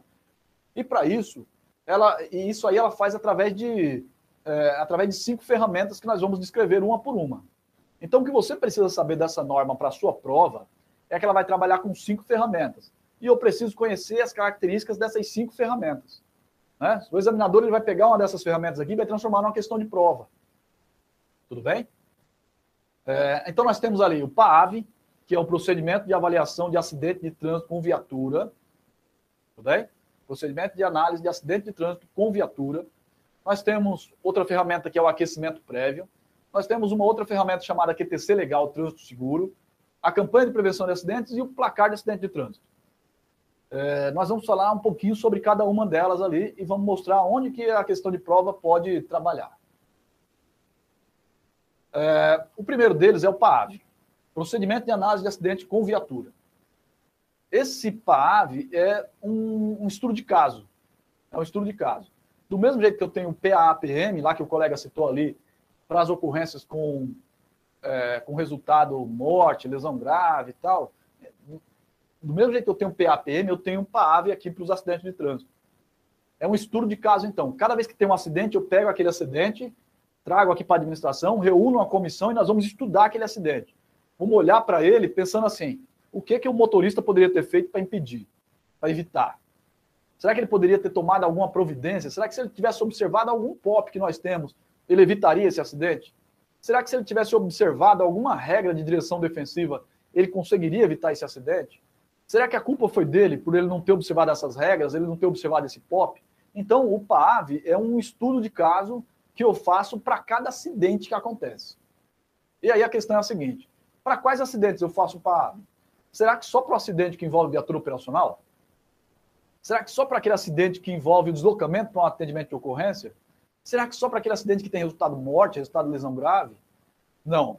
Veja só, a norma ela diz que é, esse PAAV ele será feito para qualquer acidente, acidente de qualquer natureza, de qualquer natureza.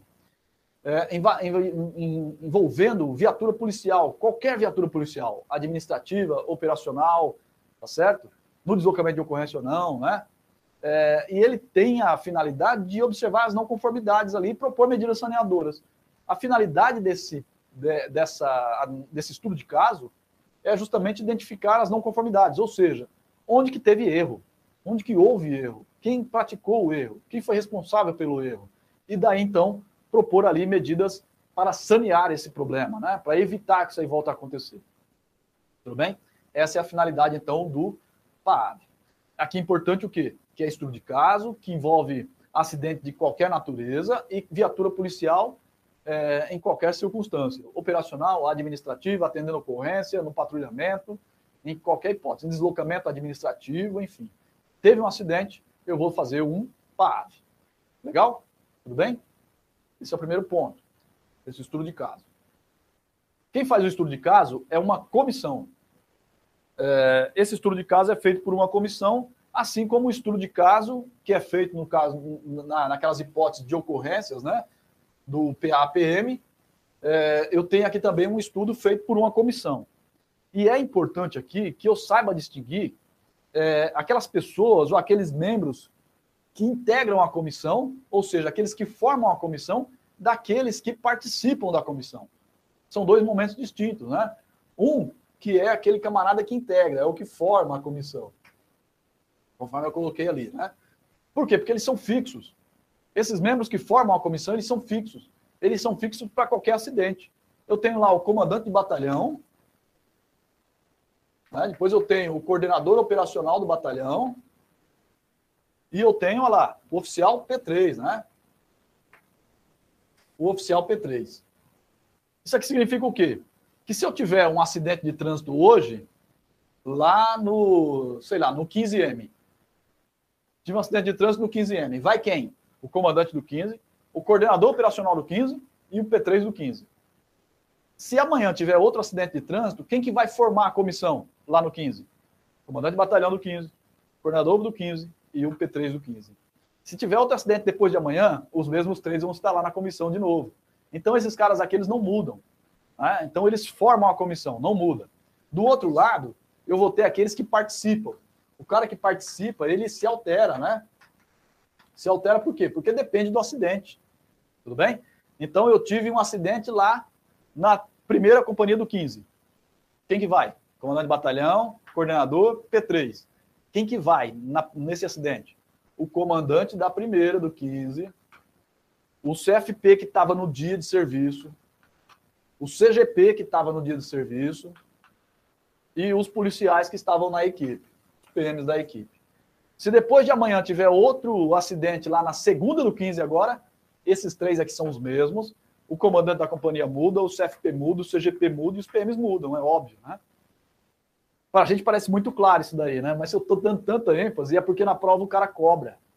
Chega na prova, o examinador ele, ele substitui. Ele vem aqui, ele tira o oficial P3 e coloca aqui o comandante de companhia. Ele vai falar: olha, formam a, formam a, a comissão, né? integram a comissão de estudo de caso, forma a comissão, o comandante de batalhão, o coordenador operacional e o comandante de companhia. Não, é o P3 aqui. Tudo bem? Então ele vai trocar esse cara, ou ele vai trocar esse daqui. Vai falar assim: ó, o comandante de batalhão, o subcomandante de batalhão, e vai trocar o coordenador operacional. Então, cuidado com isso daí. Tá? Aqui ele vai falar assim: olha, participam da comissão o comandante de companhia, o CFP é, o oficial P3 né? e os PMs envolvidos. Não, o oficial P3 ele não participa, ele forma a comissão. Tá certo? É besteira? Não é besteira. É um ponto na prova. Tá certo? Então, cuidado com esse negócio aí. Beleza? É simples de tudo aqui pra gente. Falando agora, parece um negócio besta, mas daqui a não sei quantos meses aí, na hora que você estiver sentado de frente com a folha de provas lá, esse negócio aqui vai aparecer um monstrinho para você. Então fixa aí na sua cabeça. Só pensar assim, olha, teve no batalhão, esses três caras aqui, ó, eles estão lascados, né? Se tiver acidente todo dia, todo dia esses caras participam de uma comissão diferente. Tá certo? Aqui não, aqui vai mudando. Aqui a ideia é que se mude, né?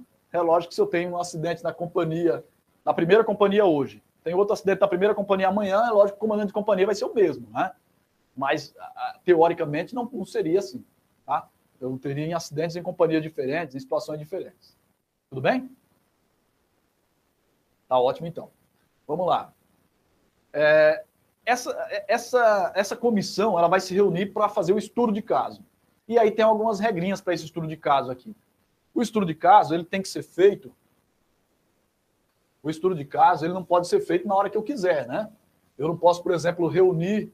Ah, vamos fazer lá. Tem, teve, vamos esperar o final do mês e aí eu faço o estudo de caso de todos os acidentes acontecidos naquele mês. Posso fazer isso? Não. Por quê? porque a reunião da comissão tem que se dar até o quinto dia útil, contado ali do acidente. Vamos dar uma olhadinha no termo da norma? Vamos dar uma olhadinha na norma para ficar mais tranquilo, né? O que, que a norma ela diz? Vamos lá.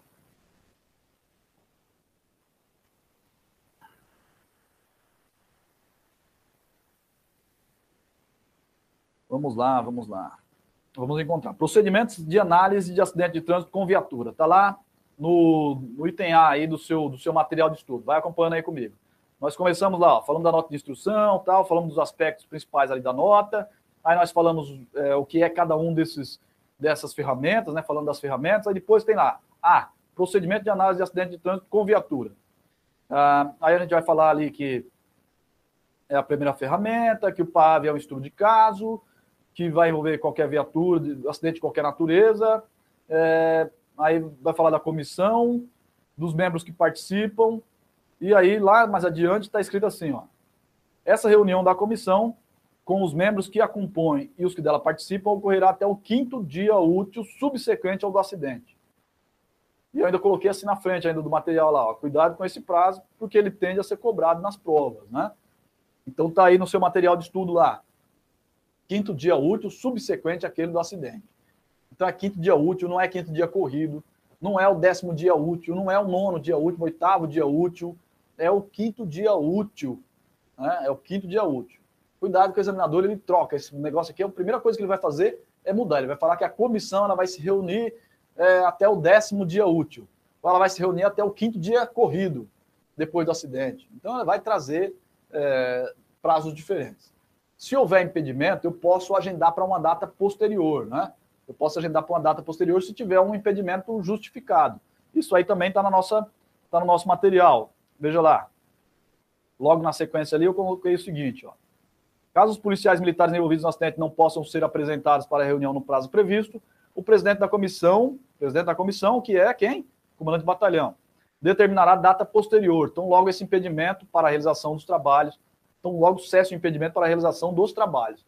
Então, veja que aqui ele coloca assim, ó, se houver impedimento dos policiais para participar, ele vai fixar uma data posterior, mas ele não fala assim um prazo para essa data posterior. Ah, vai fixar uma data posterior que não poderá ultrapassar 15 dias, que não poderá ultrapassar 10 dias. ou ele prorrogará por mais cinco dias o prazo. Não tem nada disso aí na norma. Ele fala assim, ó, é data posterior e pronto. Tudo bem? Conforme cesse o impedimento do policial. Aqui por quê? Porque de repente, meu, o motorista ele se acidentou e ficou internado, né? De repente se acidentou e pegou um, um licença para tratamento de saúde, e aí o cara não pode comparecer, não pode participar. Quando que eu vou marcar o estudo de caso? Na hora que ele puder participar, tudo bem? No futuro. Tranquilo, né? Agora vem uma regrinha básica aqui, ó. Enquanto não realizada essa, esse estudo de caso, policial, os policiais militares eles não podem ser motoristas de viatura. Olha lá no textinho da nossa, da nossa norma. Olha como é que está no seu material.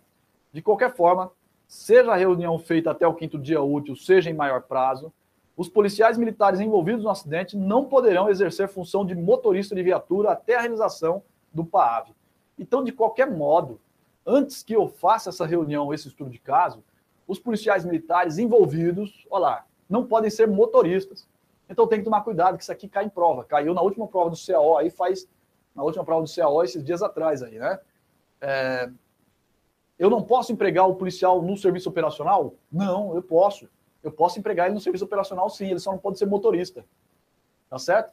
Ah, não, mas não fez o PAV ainda. Imagina o seguinte: o motorista ele bateu a viatura, ele se acidentou e ele pegou LTS lá de 25 dias.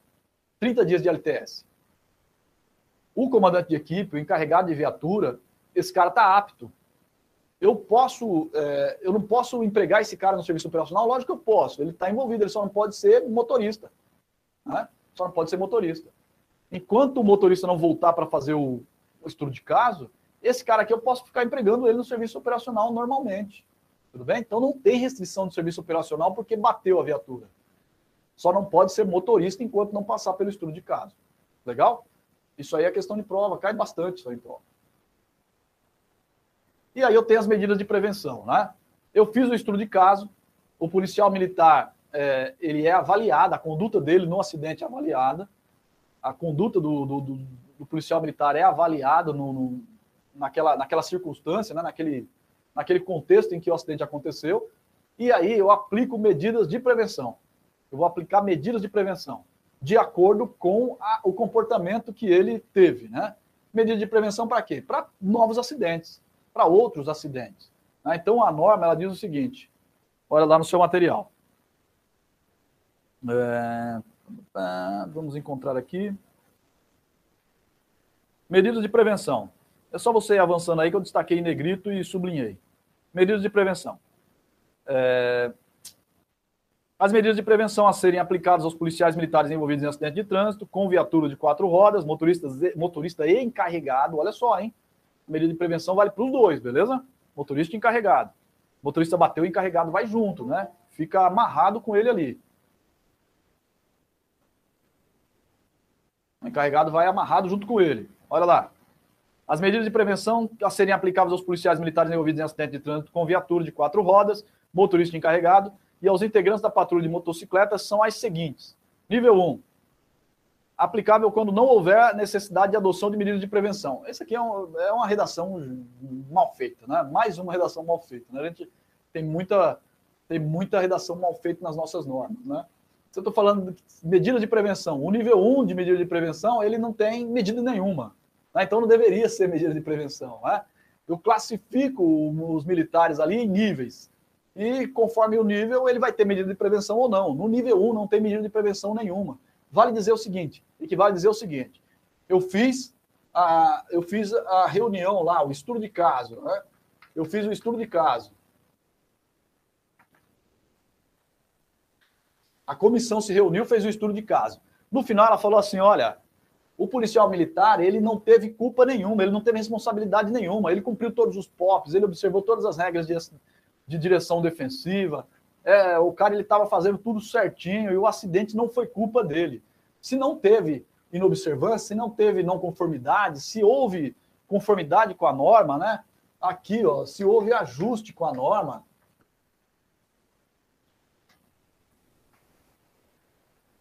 eu vou aplicar o nível 1. E o nível 1 não tem qualquer espécie de restrição, né? O nível 1 ele não tem qualquer medida de prevenção. Eu não aplico medida de prevenção nenhuma policial. Por quê? Porque ele estava certo, estava em acordo, de acordo com a norma. Eu só aplico medida de prevenção a partir do nível 2. a partir do nível 2. Aqui eu tenho uma não conformidade nos outros níveis. Uma não conformidade com o quê? Com as normas que estão na instituição, né? Um desajuste. O cara ele não observou POP, né? Ah, eu tenho, por exemplo, a não observância não observou POP. Tudo bem? O cara não observou POP, eu já tenho uma não conformidade. E daí eu já tenho que aplicar uma medida de prevenção para ele.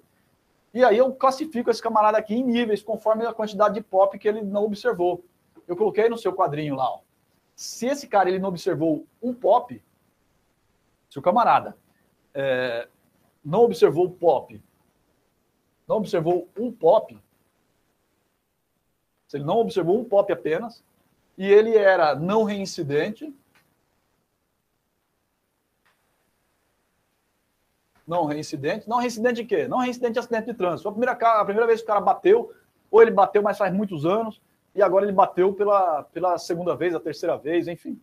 Se ele e não observou um POP e ele é não reincidente, eu classifico esse cara no nível 2. No nível 2. Se ele não observou o POP, dois ou mais POP. O cara ele não observou dois ou mais POP e ele era não reincidente, eu vou classificar esse camarada no nível 3. Tudo bem? Eu classifico ele no nível 3. Agora, olha só. Se ele não observou um ou mais pop, se ele não observou um pop apenas, que seja, um ou mais pop, e ele era reincidente,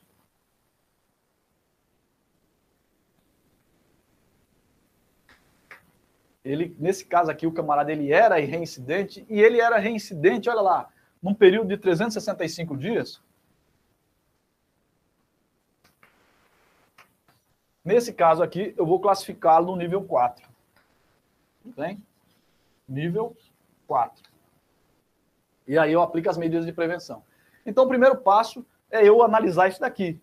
Né? Eu terminei, eu falei assim, olha, estava de acordo com a norma, o cara cumpriu todos os POPs, todas as regras de direção defensiva, nível 1 para ele. Tem medida? Não, esse cara aqui está liberado, pode voltar a trabalhar normal. Teve uma não conformidade. Ah, é? O que, que foi? Ah, ele descumpriu dois POPs. Descumpriu dois POPs, está aqui já. Esse cara, ele era, ele era reincidente? Não. Então ele está no nível 3. Ah, ele descumpriu um POP só. Ah, um POP só? Ele era não reincidente? Se ele for não reincidente, ele está no nível 1, no, no nível 2. E se ele for reincidente dentro de 365 dias. Ele está aqui no nível 4 já. Né? É, isso aqui significa o quê? Que num período de 365 dias, esse camarada ele se acidentou mais de uma vez na condução de viatura ou né, é, ele se envolveu em mais de um acidente de trânsito. Porque a gente está falando aqui tanto de encarregado quanto de motorista. Né? Então, se o camarada, em 365 dias, ele tivesse envolvido em mais de um acidente, ele é reincidente. E quando ele é reincidente, ele já salta aqui para o nível, nível 4. Tudo bem? Ainda que ele tenha descumprido um POP só, ele já vem aqui para o nível 4. Legal? Passou de 365 dias, aí eu não considero reincidente. Vou considerar não reincidente. Então, primeiro eu classifico. E a partir do momento em que eu classifiquei, no nível 2, 3 ou 4, eu tenho as medidas de prevenção. E qual que é a primeira medida de prevenção? Olha lá. Primeira medida de prevenção é o policiamento ostensivo a pé. É a regra de toda a vida, né? É a regra de toda a vida. Deu novidade, eu coloco no policiamento ostensivo a pé. É, né? Parece que é a única coisa que a gente sabe fazer, né? O cara deu novidade, o que, é que eu faço? Coloco ele no policiamento ostensivo a pé para ele sofrer um pouco, né? Para ele sofrer um pouco. Então, aqui, e não observou POP, deu causa a acidente, o cara ele vai ficar no policiamento a pé. A diferença é quanto tempo ele vai ficar. Né? Se ele tiver no nível 2 aqui, ele vai ficar no policiamento ostensivo a pé 30 dias. Olha lá. 15 a 30. Vamos colocar do jeitinho que está na norma.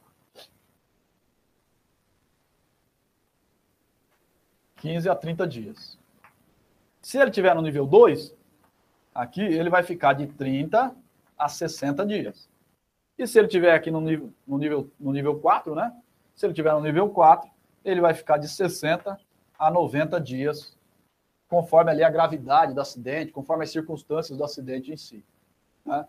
Então, é, eu primeiro classifico o camarada nos níveis, de acordo com a reincidência ou não, de acordo com a quantidade de POP descumprido. Aí eu venho e aplico necessariamente para o cara policiamento ostensivo a pé. Eu posso aplicar o mínimo, que é 15 dias, mas eu tenho que aplicar. Se ele tiver no nível 2, no mínimo 15 dias no POP, ele vai ter que ficar trabalhando. Tudo bem? Se ele tiver no nível 4, no mínimo 60 dias no POP, ele vai ter que ficar trabalhando. Essa é a primeira medida preventiva. A segunda medida preventiva é um treinamento em EAD. Para esses caras aqui, eu aplico EAD. Ele vai ter que fazer um cursinho em EAD sobre direção defensiva, sobre procedimento operacional padrão. Então, aqui eu tenho o EAD para esse cara. Tenho o EAD para esse cara aqui também. Além de estar no POP, tem que fazer um EAD. E para esse camarada aqui, eu também tenho um EAD, que está no nível 4. A diferença é que no nível 4, além do cara fazer um curso em EAD, ele vai ter que fazer também um curso presencial. Ah, mas quem que faz esse curso presencial? Quem que aplica? Não, não importa. Ah, ele tem, existe? Não existe. Não existe, mas não importa também. Não importa que não exista. Importa que para a norma e para a prova eu tenho que considerar que o cara vai ter que fazer um EAD e vai ter que fazer um curso presencial ali de condução preventiva de viatura, ou então de atualização em procedimentos operacionais, para deslocamento para ocorrência e assim por diante. Tudo bem? Foi isso que eu coloquei aqui no nosso material, então. A comissão ela vem, se reúne, faz o estudo de caso. Legal? Se o cara agiu em conformidade com a norma, ele está classificado no nível 1 e, portanto, eu não aplico para ele medida de restrição nenhuma, ele volta a trabalhar normalmente. Se o cara ele é, deu causa ao acidente por qualquer motivo, ele descumpriu um POP, ele não observou um POP, ele não observou uma regra de direção defensiva, eu vou classificá-lo em níveis. Como que eu classifico? Primeiro, um POP só, não reincidente, nível 2. Dois ou mais POP, não reincidente, nível 3. Um ou mais POP, reincidente, dentro de 365 dias, nível 4. E aí, quais são as medidas de prevenção? Policiamento ostensivo a pé para todos. A diferença é quanto tempo? 15 a 30 no nível 2, 30 a 60 no nível 3, 60 a 90 no nível 4. O que mais?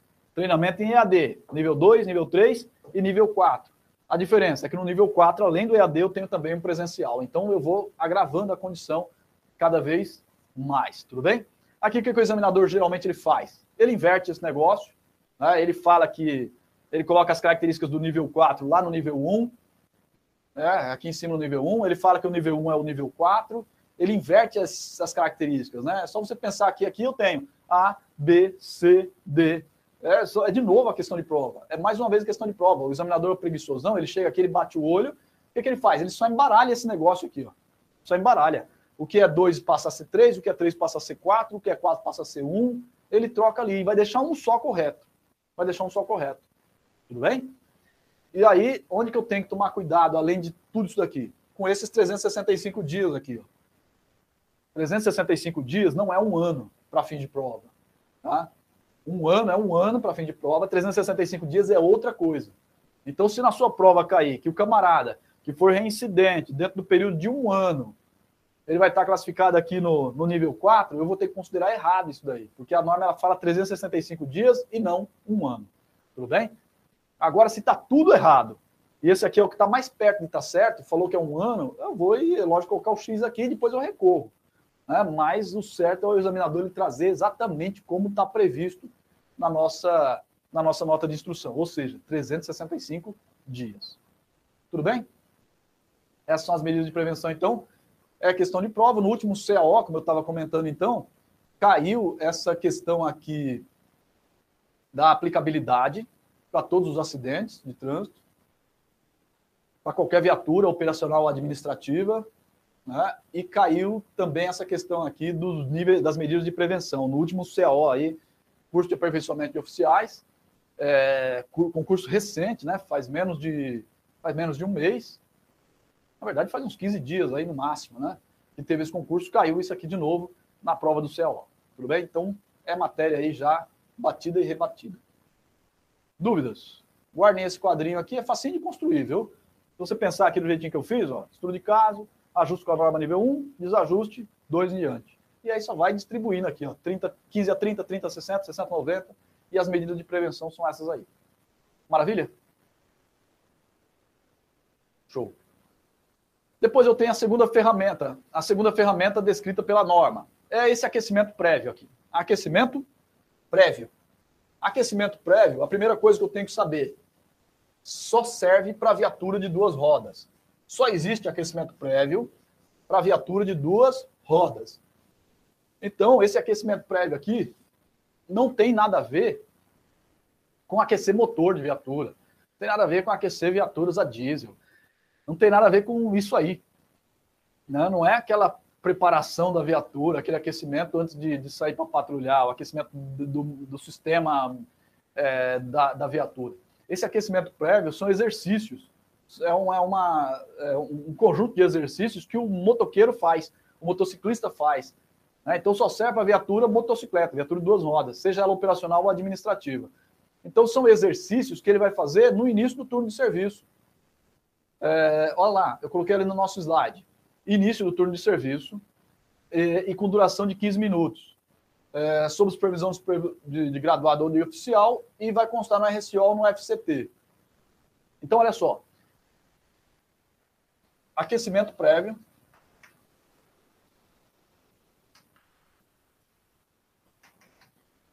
É igual a exercícios. Para que, que o cara faz isso aqui?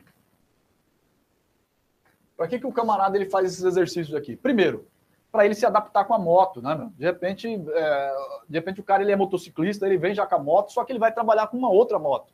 De repente é uma moto mais alta, de repente é uma moto mais robusta, de repente é uma moto menor que a dele, né? As cilindradas são outras. Então o cara ele precisa é, primeiro se ambientar com a motocicleta. De repente o cara ele vem dirigindo o carro dele, aí ele vai andar de moto. Né? Então, é, num primeiro momento, ele precisa se ambientar. Para isso que eu faço esses exercícios de aquecimento. Tá certo? É uma preparação para sair pilotando moto.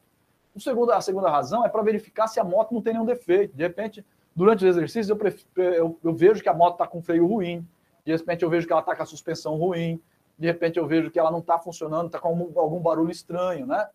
Então, aquecimento prévio são exercícios. Que exercícios que são esses daqui? Cai na prova? Não.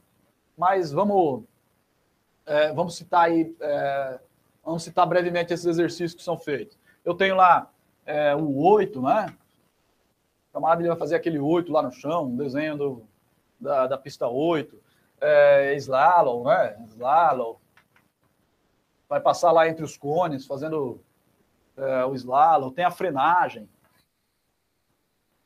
Frenagem. Então ele tem um espaço lá que ele vai, vai colocar cones. O cara ele coloca cones e aí ele vem a determinada velocidade e ele freia para ver até onde ele vai, quanto tempo ele vai demorar para parar. Então são exercícios que ele faz. E tinha mais um que eu acho que é o círculo, não sei como é que chama lá, tem um nome específico lá, é uma pista circular que ele tem que, que rodar. São quatro exercícios que esse camarada faz.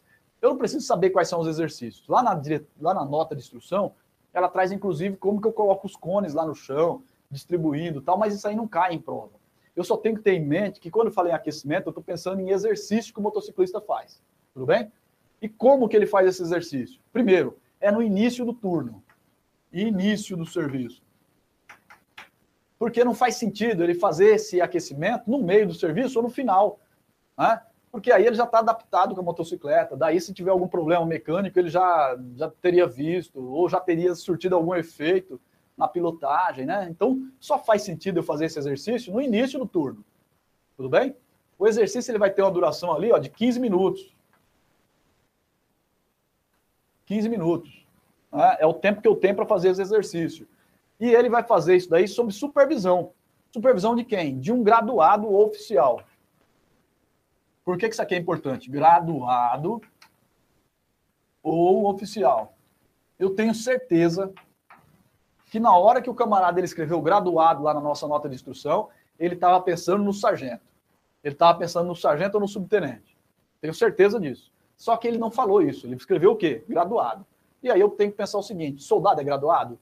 Se for pensar, né, o RD ele fala assim: graduação é o grau hierárquico da praça. Né? Então, o soldado ele é graduado. É, o cabo ele é graduado? O cabo é graduado. Né? Graduação é o grau hierárquico da praça. O sargento também. Né?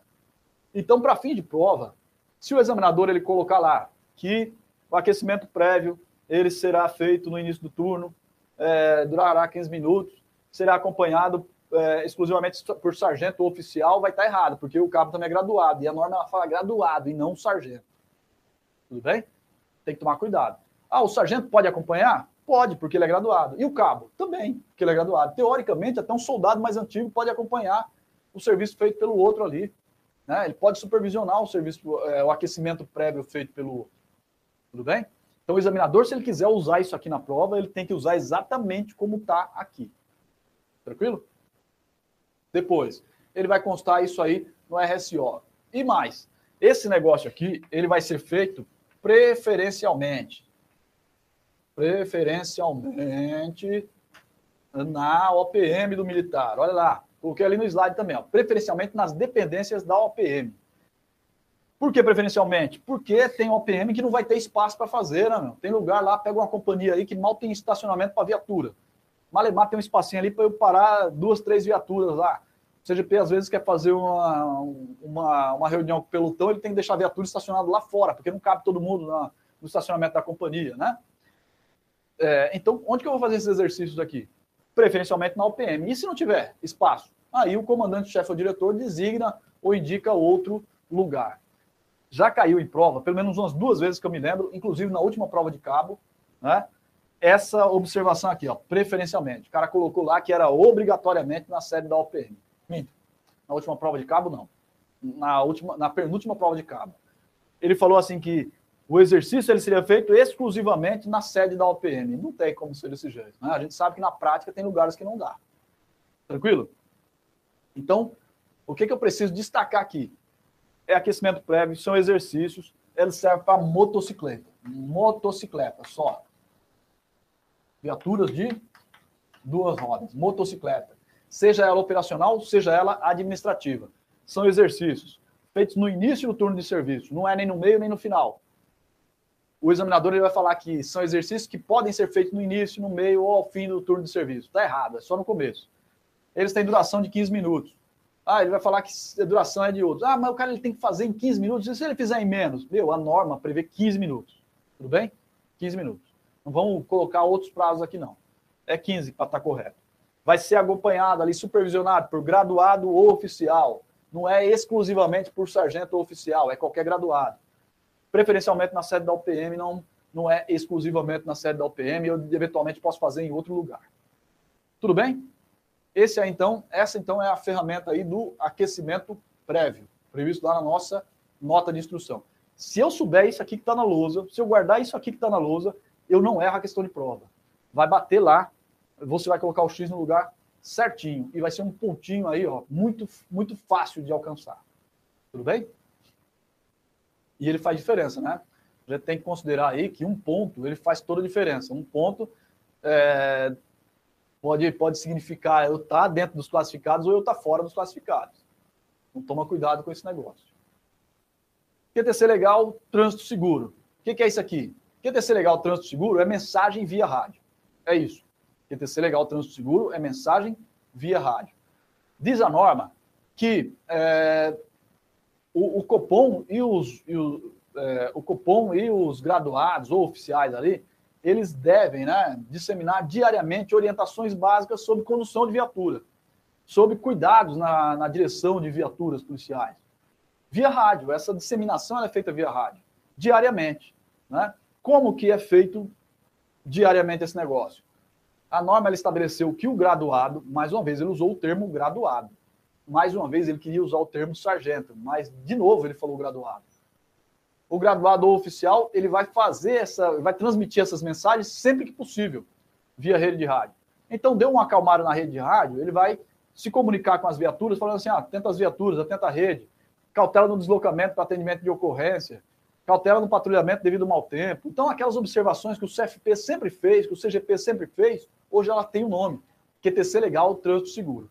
E o Copom, por sua vez, o Copom e o CAD, ele vai ser, ele vai ter que fazer essa disseminação de mensagens duas vezes por mês. Uma na primeira quinzena e outra na segunda quinzena. A diferença é que essa do Copom, ela é mais elaborada, tem toda uma estrutura para elaboração dessa mensagem. Aí é feita uma mensagem, ela é passada para as equipes do Copom, e uma vez na primeira quinzena, uma vez na segunda quinzena, ele vai divulgar essas mensagens durante os turnos de serviço aí diário. Então o Copom vai entrar na rede e vai falar assim: ah, atenta os patrulheiros porque TC legal, trânsito seguro. É, as viaturas, é, durante o patrulhamento, é, utilize o cinto de segurança. O cinto de segurança salva vidas, o cinto de segurança não sei o quê. Então, o Copom ele vai ter uma, uma mensagem padronizada que ele vai divulgar na primeira quinzena e na segunda quinzena do mês para as equipes. O graduado oficial ele vai divulgar sempre que possível. Pessoal, esse aqui é o QTC Legal Trânsito Seguro.